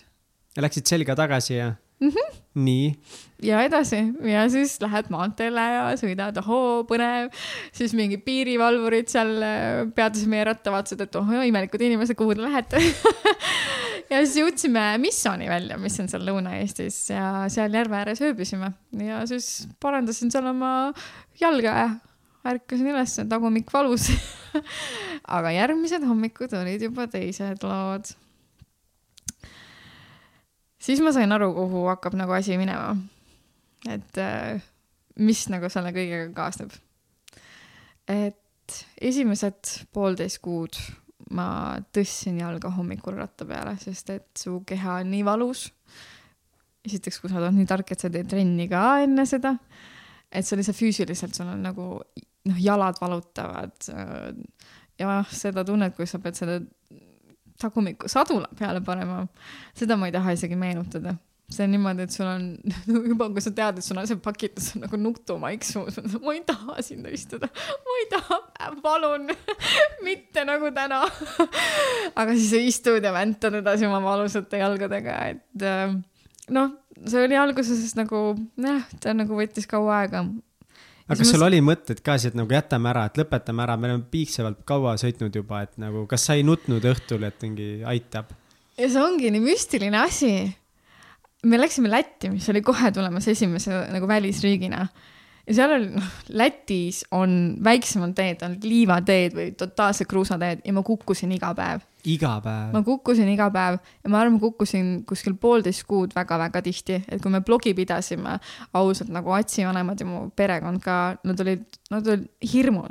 no see Kätlin, kas kõik on korras nagu, mis toimub, et nagu no mis saab, kuidas sa saad niimoodi ja ma kukkusin peaaegu iga päev, sest teed olid väga ebastabiilsed, no, no liiv, kus sul noh, ma isegi higi hakkab voolama selle mõtte peale, mis see Läti liivateed mul on nagu alati märksõna, kui ma mõtlen mingi raskusele. siis ma mõtlesin isegi Lätile äriidee, et Läti võiks liiva müüa teistele. oma autoteedelt. jah, tal on seda nii palju nagu. ehk siis äh, isegi kui ma kukkusin reaalselt poolteist kuud, ma ei tea, ma ei tea, ma ei, ma ei mõtle, ma ei mõelnud tol, ma ei näinud variandina tagasiminekut. ma ei näinud. see oligi see, ma tahtsin nii väga eemale, tahtsin mm -hmm. nii Mhm. väga mujale mõelda, nagu ratta seljas sa saad olla iseendaga, sa saad näha loodust, sa saad nautida nagu seda hetkes olemist. Mõelda kõiki neid mõtteid, mis on sul mõtlemata jäänud või mida sa leiad, et tahaksid nagu. et ma ei tea, ei olnud valu, see füüsiline valu oli tegelikult jõhker. see oli jõhker, mäletan kusagil kuu aja möödudes me jõudsime Vilniusesse ja Vilnius on ka tegelikult üsna selline mägine piirkond, noh, tal on need tõusud ka Teil läks põhimõtteliselt kuu aega, et äh, sõita Vilniusesse. jah, ja siis äh, sinna majutuskohta minnes ma kukkusin autoteel ja ma kukkusin oma vasakusse küünarnuki mõra. ja pärast seda ma ei saanud, ma ei saanud duši alla üksi minna, ma ei saanud riided seljast äh,. ma ei saanud rattast korralikult kinni hoida, iga põrutus, mis tuli, oli selline, et noh, pisar tuli nagu silma, et äh, see oli sihuke karmim nagu kehavigastus, mis ma sain sealt. aga aga ma ei tea, ma ei and-, ma ei tea, ma ei osa, ma ei oska öelda, see on hea küsimus. see oli, see oli Tšehhis, kui oli üks hommik, kus ma mõtlesin, et nüüd aitab. nii, mis Aga- siis juhtus, mis siis hommikul oli? miks see hommik oli teistmoodi? see hommik oli väga hall. no kuna me läksime sügisel, see oli ju neliteist september, kui me esim-, noh, astusime pedaali vajutama. see oli hall hommik, hästi udune ja kuna meil on alati eesmärk tegelikult päeva jooksul võtta maksimum, ehk siis me tõusime kell kuus hommikul ülesse. ja siis oli see, kus ma ütlesin, ma olen väsinud sellest, et ma pean selle tagumikuga ratta selga minema, ma olen väsinud sellest, et mul on kogu aeg külm. ma olen väsinud sellest, et ma ei saa sooja duši alla. ma ei saa ennast pesta, ma pean pesema kuskil Läti Onuški mingi väikse külakese jões, järves, mis on nagu vesi. nagu jõgedes, järvedes ja just, just ja sa nagu lõdised seal, sul on nagu mingi, sa ei saa sooja vett, sa oled nagu paljas kuskil seal, mõtled, tahaks nagu juuksed ja keha pesta. ja, ja sa oled tingimustes, mis on niivõrd ebamugavad. sa sõidad jalgrattaga ka siis, kui sa ajad padukat, sest et sa, sul on vaja edasi jõuda. sa võid küll jah, puu all istuda, aga sa väsid ka seal ära, et aga sa noh, pikas perspektiivis sa pead liikuma, sa oled läbimärg, jalad valutavad, kõik nagu tundub nagu nii ebamugav, nagu ma ei saa isegi korralikult süüa. nagu okei okay,, me teeme putru hommikul, aga kus on see kanašašlõkk või kus on see seapraad, mida keegi valmistab, ei, sa sööd mingeid nuudleid, mingeid makarone, mingeid tanguputru, kui vaja on. et nagu, kus on see mõnus olemine ma ütlesin ka, et ei, ma ei taha tulla siit teglist välja, ma ei taha, ma ei taha edasi minna. ja siis nagu Ats oli nagu, ta sai aru, et see on esimene hommik, kus ta peab tegelema ühe pahura naisega. ja võti oli lihtsalt see, et ma pakkisin selle no, tusas olekuga neid magamiskotte, peksin sinna magamiskoti koti sisse. Ütlesin, okei okay,, panen jalad jalga, lähen telgist välja. Aga siis meil on nagu imeline kooslus selles mõttes, et kui me jõuame sellesse punkti, et meil on vaja telk pakkida, siis me raputame telki, et esiteks mingit niiskusest puhtaks saada ja prügist, siis me vaatame alati üksteisele otsa ja no mingi magic lihtsalt juhtub. me hakkame naerma kui kellelgi on paha tuju, pahurolek, me hakkame naerma ja see on selline lõõgastushetk, et noh, tegelikult on äge. vaata, vaata taha, kuhu sa tulnud oled. nagu vaata neid Läti liivateid, kus sa kukkusid kogu aeg nagu, mis sa teinud oled, on ju, kõik need karukartused, et metsas magada kogu aeg, nagu sa oled sellest üle saanud. Vaata, mis sa kogenud oled, mida sa näinud oled, need nagu siuksed no ei tea, imelised tunded nagu, mis on sind kandnud. kuhu sa lähed? sa lähed riikidesse, kus sa kunagi ei ole käinud. sa lähed, näed ookeani, ookeani, kuhu sa tahad jõuda, mine sinna, see on ainult väike tuju, mis sul siin on mm. -hmm. ma arvan, et see kõik aitas mul nagu tol hommikul üle saada ja lihtsalt edasi push ida oma valusa taguhommikuga. aga mis olid kõige nagu meeldejäävad või kõige ägedamad äh, mälestused sellest, kui, kui, kui te siis lõpuks jõudsite sinna ookeanini teel, teel, teel sinna? no esimene asi, mis mul tuleb, oli tegelikult Alpides äh, lume kätte jäämine. Äh, see oli, noh, Albid on meeletult mägine, üldse Austria on, noh, see oli imeline koht, helesinised jõed, mäed aga siis oligi üks päev, kui me teadsime, et äh, kohe on tulemas äh, nagu tormid, et mägedes peaks olema lumetormid ehk siis lumi tuleb maha, peaks olema kehvad ilmatingimused. eelneval päeval olime just sellises äh, täielikult mäeorus, käisime ägedat koske vaatamas ja kõike ja pussisime oma rattad ülesse, jõudsime südaööl täiesti totaalselt pimeduses kuskile mäe otsa ja siis natuke jõudsime laskuda otsisime mingi taskulambiga kuskil kuusa all endale magamispaiga ja siis ärkasime järgmise päeva hommikul ülesse. olime tuhande viiesaja meetri kõrgusel ja lähen telgist välja, et lund sajab, issand, see on nagu jõulud, issand, kui tore. Ma olin nii ekstaasis, nagu mingi lumehelbeke tuleb, nagu pole üldse lund läinud nii ammu. Ma olin nii ekstaasis, me olime nii õnnelikud, pakkisime telki kokku, et ohoo. Panime telgi kokku vaatan lume nagu sadu läheb tihedamaks. ja siis oleme ratta peal juba, et ohoo, et nagu mingi kirme on juba maas, et sihuke kihtlund on juba ilusti maad katmas. sõidavad mingi täiega äge olla, vaatad ringi, mingi täiesti uus keskkond, ei ole enam seda rohelust, vaid mingi valge jõulumaa tuleb külla ja siis vaatad, autod tulevad vastu, et lund on juba mingi, ütleme paar senti onju, et tulevad vastu, teevad videosid, vaatad, mingid hullud sõidavad, mingid teevad pilte, mingi peatuvad peaga su juures. Me olime nagu mingi staarid ausalt. Kõik võtsid hoo maha, vaatasid, issand, kes need on. Ja siis äh, meil tuli tol päeval laskuda tuhat meetrit ja kusagil kolmekümne kilomeetri peale. ehk siis tähendas väga-väga järsku laskumist. ehk siis on sinka-vonka pead liikuma, et mäest nagu alla jõuda mm. -hmm. ja ütleme, et see ekstaas läks üle juba natuke teiseks emotsiooniks mingil hetkel. noh, lumi on tore küll, aga miks seda nii palju on, esiteks, et äh, esiteks meil ei ole mingit talverehve onju, nagu autol võib-olla, et libe on, käed on külmad, sul ei ole nagu, jalad lähevad märjaks vaata, hakkab külm tulema, et mingi värin hakkab kehasse tulema juba sisse. ja sa lähed värised, äh, kuna tegemist on laskumisega ja järsu laskumisega, siis sa ei vänta. ehk siis su keha ei tooda soojust. ja siis sa seal oled mingil hetkel, et ohoo, seda lund on juba mingi väga-väga palju, niimoodi, et su nagu terve müts on kaetud, su keha on lumega kaetud. Ja saad aru, et mul on nii külm olla, et me peame tegema pause. me tegime pause ja siis sa hõõrud käsi ja nagu teed mingi soojendusharjutusi, et saada nagu so kehasse soojust, sa oled läbi märgiva. nii, okei okay. saab hakkama, teeme mingi, mingi viiesaja meetri tagant seda pausi, et keha soojendada. aga siis tuleb just see nagu järsk-järsk laskumine, ehk siis sul tuleb hoida pidurid peal. ja sa hoidad pidurid peal nagu niimoodi, et sa hoiad need pidurid peal nagu, et sa hoiad. libised alla nagu kilgud. põhimõtteliselt sa libised peaaegu alla ja kuna sa oled läbimärg, on meeletult külm, lund sajab peale. sa hoiad kinni nagu mingist objektist ja ühel hetkel sulle nagu see tunne, mis ma mäletan, mul oli, mul oli nagu keha ütles, ma ei suuda enam, ma ei suuda enam kinni hoida piduritest. ja valik on see, kas ma ikkagi pingutan või ma lasen lahti ja ma lähen kuristikust alla. sest et seal ei ole niimoodi lasen lahti ja üks sirge tee läheb sulle nagu laskma. sa pead seal keerama nagu, nagu sul on tõesti nagu tööd vaja teha. ma kukkusin ka seal nagu, õnneks ma kukkusin ja ma libisesin paar meetrit edasi. nagu niivõrd libe oli. ja noh, meil oli, mul läks rattal nagu kodar ka katki. et nagu elukaaslasel oli ka juba hirm, et no oh, oh, oh, mis saab ja lõpuks tegime iga viiekümne meetri tagant pausi mm. -hmm. sest et see oli, see oli see oli, ma ei osagi isegi kirjeldada, see oli agoonia. see oli agoonia, et jõuda sinna alla, see oli lõpuks sul elu ja surma küsimus tegelikult, kas sa jõuad sinna alla orgu või mitte.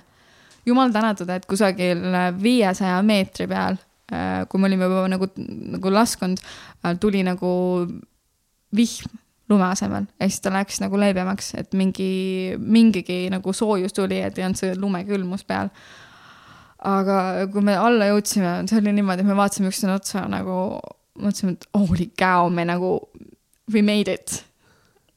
ja siis me läksime rongijaama see oli, Albid ei ole see koht, kus praegu olla siis me põrutasime Itaaliasse mit, mitme rongiga läbi mägede ja siis oli nagu ma olen soojas ja siis vaatad aknast seda mägede kaunist lumemaailma. kas see oli esimene nagu selline mingi muu transpordiga sõit teil või? ei olnud, see oli teine kord. Äh, esimene kord oli meil Poolas.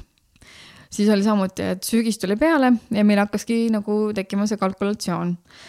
kas me jõuame tegelikult talve eest ära mm? -hmm. ja siis äh, noh kuna mul oli see käega õnnetus juhtunud, ehk ma, mul oli endal nagu raske tegutseda ja me jõudsime nagu Poolas sellisesse olukorda, et nagu ilmad olid jube kehvad, kogu aeg vihmased ja nagu ebamugav oli olla.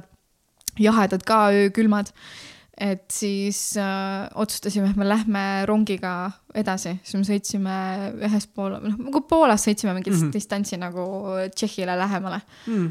see oli nagu esimene kord mis hetkel sul nagu reaalselt see igapäevane sõitmine muutus nagu, millal pepu tuimaks läks või kas see üldse juhtus? kas sa piinlesid lõpuni välja või mingi hetk nagu su keha lõpuks harjus sellega ära mm,? no ta ikkagi on sul päris, nagu päris pikalt. aga harjus ka ära. ma arvan, et see võis olla Itaalias äkki või? kaua te siis olite umbes? Äh, no Itaalias vedasime minu sünnipäeva ehk siis novembris ehk siis äh, septembris, alustasime novembris siis kusagil, no ikkagi üle kahe kuu. et üle kahe kuu ikkagi nagu läheb aega, et sellega ära harjuda. iga päev sõita üle kahe kuu mm. -hmm. aga mis tunne siis oli, kui te lõpuks jõudsite sinna ookeani juurde? Oh, see oleks nagu, ma oleks nagu maailma tipu vallutanud. ma mäletan selle rituaal ka, Atsil olid siuksed oma matkarattasõidusokid. Need olid nagu nii läbiaugulised ja nii ära sõidetud, sest ta nagu oli see rituaal, et see on see hetk, kus loobuda, lasta millegist lahti ja millegi uue juurde minna. ja siis me läksime sinna ookeani juurde, see oli niimoodi ka, et see päev oli olnud vihmane, niimoodi. oota, millal, korra segan, millal te jõudsite sinna ookeani siis uh,? issand, kuupäeva. oota, las ma nüüd natuke meenutan uh,. me jõudsime ookeani äärde see oli Barcelonas aastavahetus, see oli novemb-, äh, jaanuari lõpp vist, kui ma õigesti mäletan. kui ma õigesti mäletan okay., kusagil midagi sellist. ja. ja võtsid need sokid? sokid viskasime ära, oli vabastus, paljajalu, mõnus olla. ja siis see oli ka mõnes mõttes müstiline hetk ka, et oli sihuke vihmane päev olnud, tumedad pilved nagu ikka mingi tormiga on. ja tol hetkel vihm jäi seisma ja mere poolt oli see helesinine taevas ja päike. ja siis sa tunned seda merelõhna, noh ookeani lõhna ja seda tuult. ja seal oli vaikus, kuna noh, nii halb ilm oli, mitte kedagi ei olnud ka ja siis sa vaatad neid imelist randa oh, siis oli see, et holy cow nagu ma olen tulnud siia, mis olustik siin mu silme ees on, mis tunne see on, ma olin ookeani ääres varem ka olnud, aga lihtsalt sa tuled sinna rattaga omal jalal, kõigi selle valu, pisarate, rõõmu, kõik, kõik see see oli nii äge, aga see oli nagu selles mõttes äge, et äh, nagu mõnes mõttes sa tundsid, et sa saavutasid nagu mingi punkti ära, et see nagu, kuna meil oli eesmärk justkui jõuda ookeanile, aga tegelikult veel pikemaani tagasi. Ma just mõtlen nagu seda, mingi asja meediti, siis issand jumal, et see nagu kõik kordub taas. kas ei olnud nagu mingi, davai, viskame nagu need rattad kuskile sinnasamma ja nagu noh, võtame mingi lennukipileti äkki tagasi, et nagu naudime seda teekonda, aga ei, piiname ennast veel pool aastat Õnneks ei olnud, siis see oli juba, sa nautisid siis juba seda. me olime kõik Austria, imeline Hispaania, noh, imelised paigad nagu, me olime ju harjunud juba sellega, et kusagil äh, tõesti imelikes oludes sa pead magama kuskil suurlinna promenaadil või mis iganes tegema, mis ei ole sul tavaline. sa olid kõik juba teinud läbi, su keha teadis, et noh, ta on harjunud, võib-olla see on suus, sa oled nagu imelikuks nagu mutandiks muutunud, et sa läksid normaalsest elust nagu mingisse, ma ei tea, metslase elu juurde, aga, aga tema nagu keha ka ütles juba, et see on juba okei okay kas te ei, ei kartnud, et teid, teid, teid nagu ära varastatakse või ei tea asju või kuidagi nagu, noh, kui te ööbisite ikka nagu megalambi kohtades? oli ikka, oo jaa mina kartsin ju algusest peale juba karusid, vaata, ja siis. ma kardaks nagu inimesi, kes tulevad lihtsalt tapavad ära või midagi. Itaalias äh, oli meil ühes äh, suures linnas olukord, kus me ei saanud nagu linnast välja ja me pidime nagu ranniku ääres ööbima, mis oli suurlinna osa. ja me läksime kuskile mingite, ma ei tea, mingite imelike kaktustaimede taha lihtsalt nagu kuskil tee ääres. panime telgi püsti pimeduses vaadates, et mitte kedagi ei tule sinna. ühel hetkel hakkab mingi sagin pihta nagu telgist väljaspool ja väga veider ka nagu mingid hääled käivad, keegi nagu hullult toimetab, see on kohe hirm, keegi võtab rattad ära, sest et me ei võta ratta pealt kotte maha, ehk siis kogu su vara põhimõtteliselt on seal. ja siis mulle kohe, oh, no see ei tundu üldse hea, sisetunne ei ole hea, nagu mis saab. ma ütlesin nagu Ats nagu please mine vaata õue, vaata. ei, võta nuga kaasa, võta nuga ja me võtsime noa kaasa. ma läksin vaatasin, kes see on see on nii ajuvaba lihtsalt, kuhu inimese aju oma hirmuga läheb, et sa võtad noa kaasa esiteks tegemist oli teise matkajaga, tegemist oli siukse mõnusa karvase onuga, Itaalia onu, mingi Vincenzo oli ta nimi. siuke karvane, mingi habemes ja ta pani mu kõrvale meile telki ülesse nagu ta oli ka jalgrattamatkaja, ta oli kusagil mingi seitsmekümne aastane onukene, kui ma õigesti wow. mäletan ja siis see hirm pöördus totaalseks nagu naeruks ja onu, kelle isetehtud oliive ma järgmine hommik sõin ja kellega me jagasime toredaid lugusid, kuigi itaalia keelt Ats oskas veidikene. mina ei osanud, onu oskas natuke inglise keelt ja väga äge elamus. ehk siis oli hirme mul on ka mis on looduses, mis ma pean ütlema, kui me kuskil ööbisime, oli see tõesti, ma ei tea, Genova promenaadil, noh, Genova on nagu ikkagi miljoni linn, on ju, et ta on nagu suur linn ja me oleme seal promenaadil, kus terve see jooks jookseb su varvastest üle põhimõtteliselt, et sa oled nagu täiesti avalikus kohas. kõikides sellistes avalikes kohtades, kus me pidime magama, äh, kus me pidime olema, ei juhtunud mitte midagi hullu. välja arvatud tegelikult üks hirm, hirm, hirm, mis mul oli ühes, ühel hommikul Hispaanias. olime oliiviistandusel, ööbisime, noh, oliiviistandusi on hästi-hästi palju seal piirkonnas ja noh, ärkasime vara muidugi, aga ühel hetkel kuulen mingi auto nagu tuleb kuskile nagu lähedale ja nagu Ats pistis pea välja, vaatas, et oh, need on vist mingid jahimehed. ja ühel hetkel üks jahimees sammub meie poole ülim tõreda näoga, relv käes. Cinco minuto, no mas. ehk siis teil on aega viis minutit, et siin olla ja mitte rohkem mm. -hmm. ja see vend oli nagu relvaga su nina all ja sul oli nagu, et äh, me ei tee nagu midagi halba siin, me nagu ööbisime ainult nagu, me läheme kohe ära, aga nagu viie minutiga asju kokku pakkida ütleme nii, et see nõuab ikka nagu liigutamist ja siis sa oled seal niimoodi, et no me panime asjad kokku, vaata, ja läksime ära, me ei saanud kuuli kerre, aga lihtsalt sa mõtled küll, et kas see nagu on ka reaalsus, mis võib juhtuda mm.. Äh, nii et, aga üldjuhul ei juhtunud mitte midagi. imelised inimesed teel, kes võtavad su koju, enda koju äh,, ilma et nad teaksid, kes sa oled. Albaanias oli niimoodi, me sõitsime läbi ühe väikese linna äh,. Bashkim oli selle nii ägeda mehe nimi. sõitis mingi rattaga ära, ta oli mingi külatiiru tegemas. Ta ei osanud väga inglise keelt ka, aga ikkagi purssis aa, mis te teete, sõidate läbi või, kust te pärit olete? tulge minu juurde, siis me olime seal mingi kolm ööd. Nad on täiesti müstiline, nad tegelikult, neil ei ole üldse endal tingimusi, neil nagu elavad siukses savimajakeses. Neil noh, kuna looduskatastroofid on seal ka, maavärinad ja kõik need äh, mudaveed ja kõik asjad, et äh, neil juhtub ka tihtipeale nagu siuksed loodusega seotud äh, õnnetusi, et nad olid just oma maja üles ehitanud läbi mingi tutvuste, kuna nad on usklikud ka, et läbi mingi kiriku. aga neil on nii väik-, vähe ressursse, väike maja, nad tuuvad, toovad su juurde, nad panevad kõik oma nagu energia sellesse, et see oleks tore, viivad su erinevatesse kohtadesse, tutvustavad sind oma kultuuriga. ja me läksime sealt ära, me teadsime, et noh, me andsime enda poolt ka mingeid asju, mis meil ei olnud vaja ja mis me nägime, et nagu saaks nagu neid aidata. saad aru, Bashkim nagu andis oma viimase raha meile pihku. minge kohvikusse, et andke andeks, et me ei saanud teile väga midagi lubada. et nagu minge kohvikusse kas ei oska nagu selle väikese raha eest nagu kohvi kas süda ei murdu, nagu jumal tänatud, ma ütlesin nagu, et kuule ei, me saime anda pojale selle raha tagasi pihku, et, et me ei võta nagu see, mis, mida teie meile olete andnud oma. Te ei teadnud meid, te ei teadnud meid, me ei rääk-, me rääkisime minut ratta seljas yeah. ja ta kutsus meid oma majja, äkki me oleksime bandiidid olnud. äkki meie oleks nagu nende maja tühjaks röövinud. sa kutsud oma perre võõrad inimesed no mõned on lihtsalt nii sõbralikud, mingid rahvused ka just ja. ja need inimesed kellel on nagu vähe, on tihti mm -hmm. need mhm. kõige lahkemad, mis on nagu huvitav. Nende süda on nii, nii heas kohas, et meil on noh, õnn olnud, ma olen ise ka, oleme aidanud neid nagu nüüd ka ressursiliselt, kui neil on raskem olnud.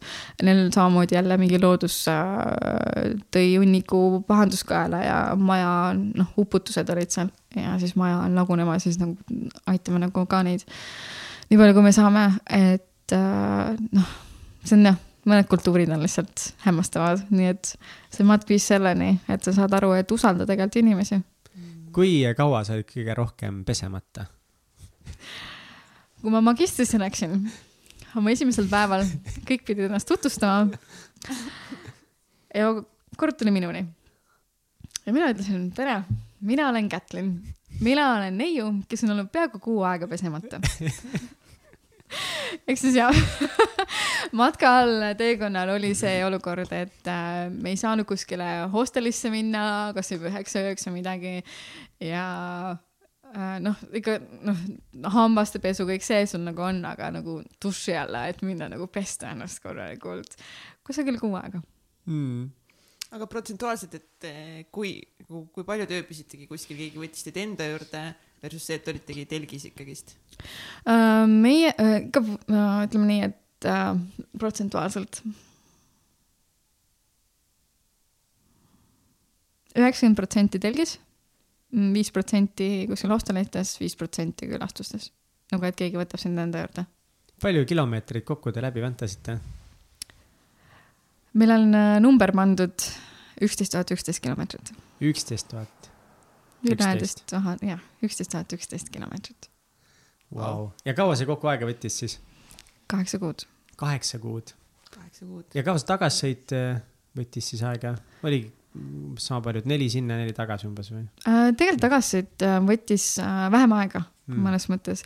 distants oli pikem äh,, aga treenitus oli all, et lõpuks sai ikkagi sõita päevas üle saja kilomeetri äh,. et äh,, et jalad olid tugevad ja, aga mis me tegime, me saime aru, et meil on aega rohkem, esmalt sa ei taju seda ajavoolu, et kui kiirelt sa pead tegelikult liikuma.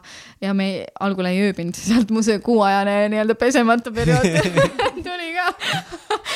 Aga siis me saime aru, et me hakkasime rohkem nautima, siis oligi, me tegime neid ööbimisi veidi rohkem ja võtsime nagu inimeste pakkumisi vastu ja noh, siis lihtsalt mõned haiguspäevad tulid ka, kus pidi nagu peatuma mida sa õppisid sellest reisist?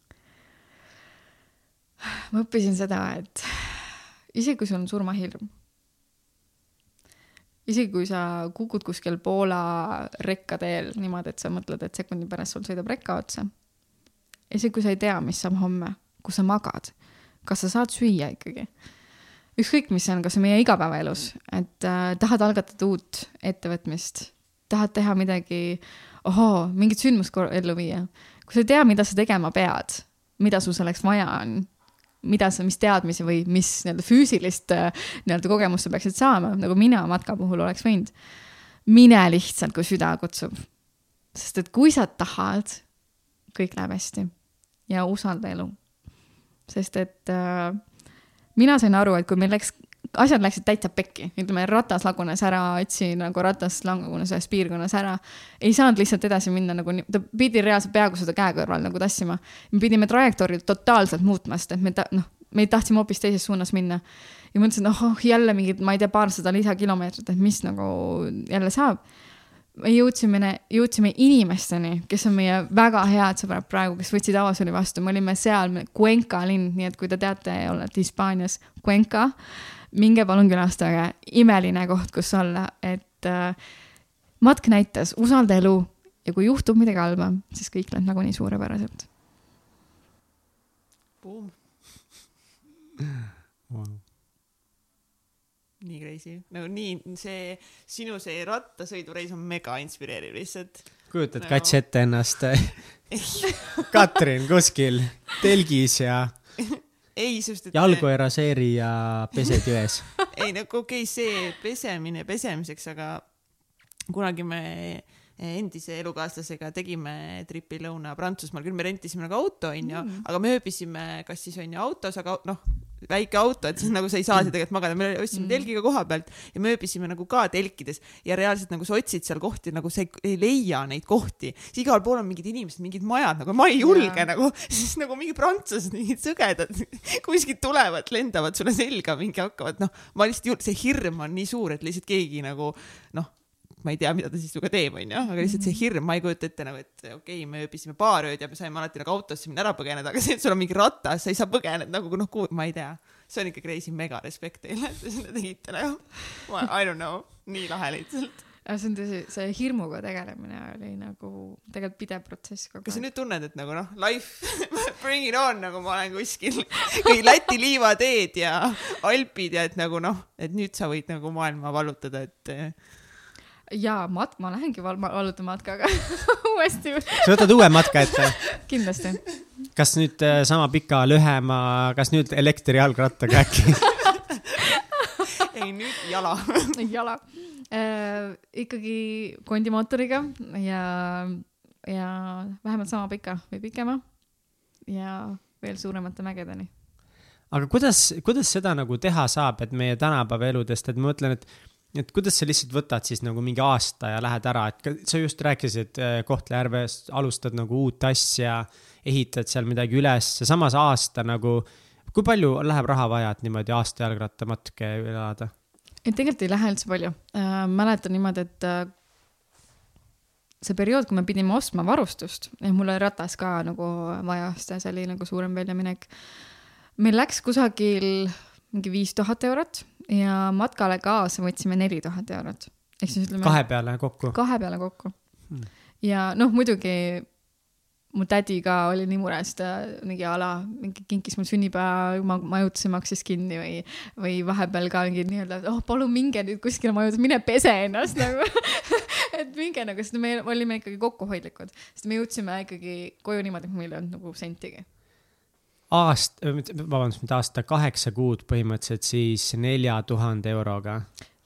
kahe peale, et okei okay,, vahepeal pere nagu toetas, üliväikese rahaga pidid hakkama saama. just, see on, äh, see on jah, see on põhilised kulud on tegelikult toit äh,, ratta parandamine, mis on väga suur, noh, rattasise on nagu suur väljaminek sellest eelarvest ja siis mingid ööbimised hmm.. jah okei okay,, no see on võimalik see ajapikku kahe peale kokku panna, aga aga kas sa ei tunne, et sa jätad midagi nagu maha, kui sa lähed aastat, aastaks ajaks ära, kuidas saad võtta selle aja? ja mul oli endal tegelikult ka mõte see, et, et äh, kõik lähevad edasi, kõik võib-olla noh, samamoodi tegelikult TEDx-ist äh, mul tekkis edasi võimalusi, vaata, et kuna meie suur partner oli Ericsson tol ajal, ma sain häid kontakte, jäin silma, mulle pakuti nagu mingi olla seal meeskonna sündmuste korraldaja, onju, et aga ma tulin sellest kõik ära. ja ma mõtlesin, et aga mis saab, mõned on sammu võrra minust ees tegelikult, lähevad ülikooli, neil on juba võib-olla töö isegi, praktikakohast tuleb kuskil, mis iganes võimalused. jah, ma mõtlesin seda, et võib-olla ma kaotan.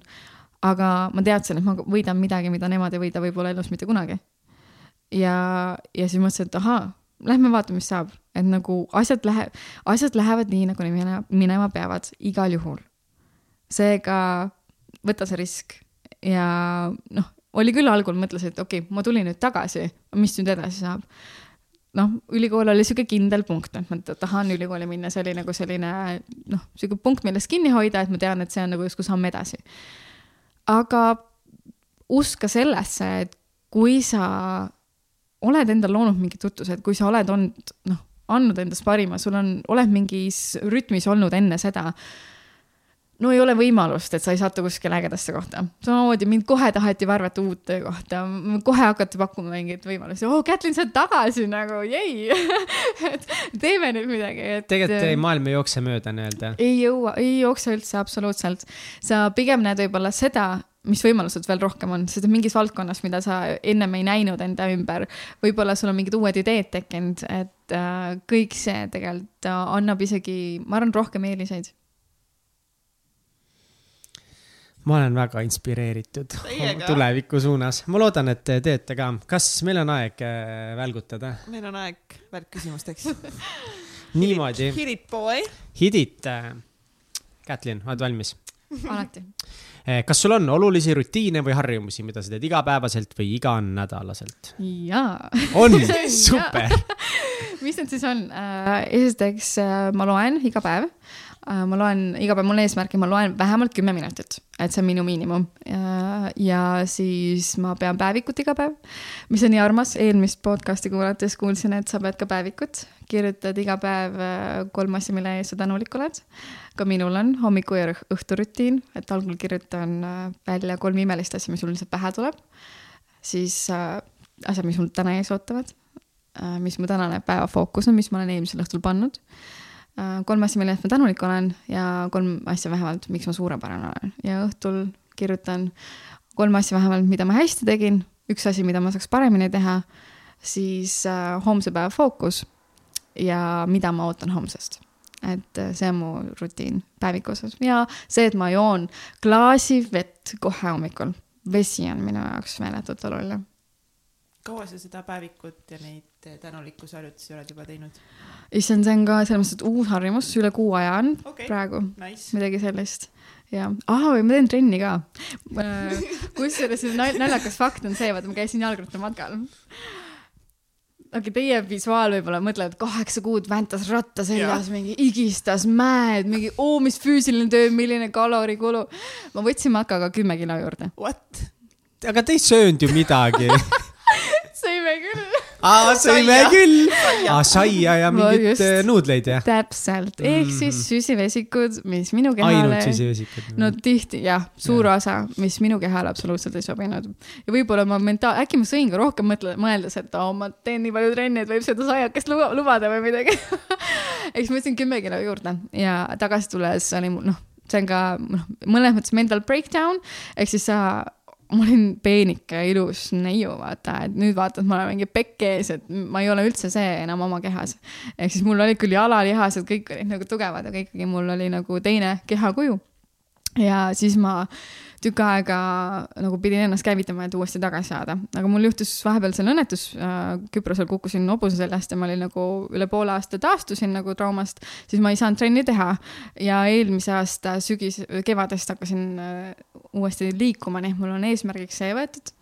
alguses, juba tükk, tükk aega tagasi äh, oma mentori toel, et äh, ma liigun päevas vähemalt kaks minutit, ma teen trenni kaks minutit siis me oleme jõudnud selleni, et ma teen trenni viis minutit vähemalt päevas, iga päev.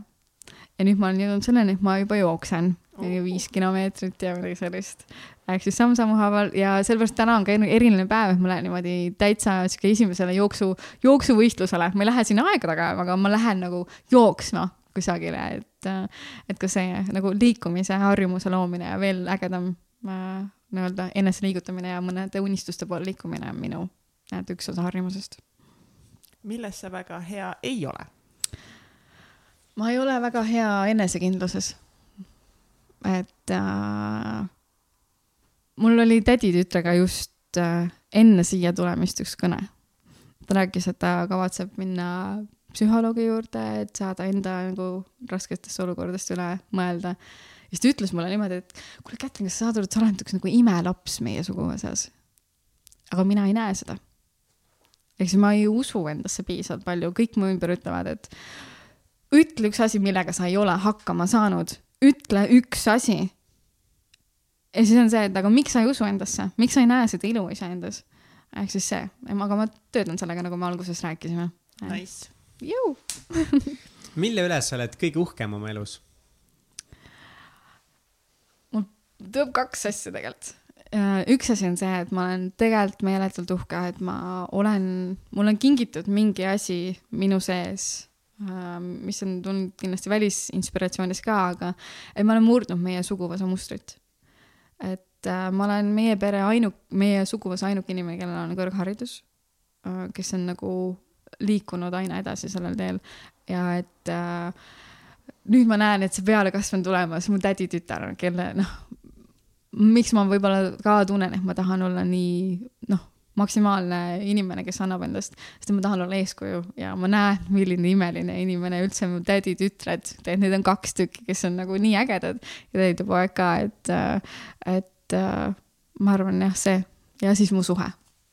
Otsiga. kaheksa aastat. Meil saab kolmekümnendal augustil jah kaheksa aastat. Ja see on nii äge suhe tegelikult. isegi imestan, et äh,, et mul on olnud õnn leida selline partner. minu kord või? jah. see, okei okay. mis on kõige pöörasem asi, mis sa elus teinud oled ja kas sa teeksid seda uuesti? vali midagi muud peale selle matka nüüd midagi muud peale matka või? no see, see on nagu väga-väga pöörane, aga võib-olla siis nagu sellest next thing. Next thing, no ma ei tea, kas nagu kraad kõrgemat oleks Uh, sest et see oli tegelikult pöörane ma mõtlesin, mis mõttes sa ei ole trenni teinud, lähed sinna. aga pöörane asi, mis ma teinud olen um, aa, okei okay,, minu jaoks mõnes mõttes on pöörane uh,. ma käisin sellel aastal esimest korda Hiiumaal. see oli kakskümmend neli juuli ja me olime enne seda Changemakersiga, kus me noortega tegeleme, olime Pärnus äh, ägedas noorte uues sihukest äh, algatuskeskuses Huub ja tegime seal oma mingi lauamängu päevakest. ja siis läksime sõbrannaga, minu tiimiliikmega mõlemad koos esimest korda Hiiumaale ja see oli sihuke metsik, me jooksime bussiga mingi, bussi peale jooksime, et me ei teadnud üldse, kuidas tegelikult mingi praami pealegi saada, mingi hästi palju nalja oli. ja praami peal, praam sõidab kusagil, mis ta on, nelikümmend viis minutit, tund aega praami peal tekkis idee, et oi, peaks ikkagi midagi veel ägedat ära tegema ja me lõime oma sõbrannaga koos ühe ettevõtte, nii et äh, neljakümne viie minuti jooksul registreerisime ettevõtte, maksime riigi, riigilõivu ja loodan, et siit algab üks väga äge uus asi. Nonii, kas sa annad meile mingit vihjeid ka või? kerge diiser. kerge diiser. Mm, no noh, sihuke äh,, ütleme nii, et sinu kõige ägedam kõige suurem, kõige ilusam unistuste pulmapäev. on see, mida te hakkate looma?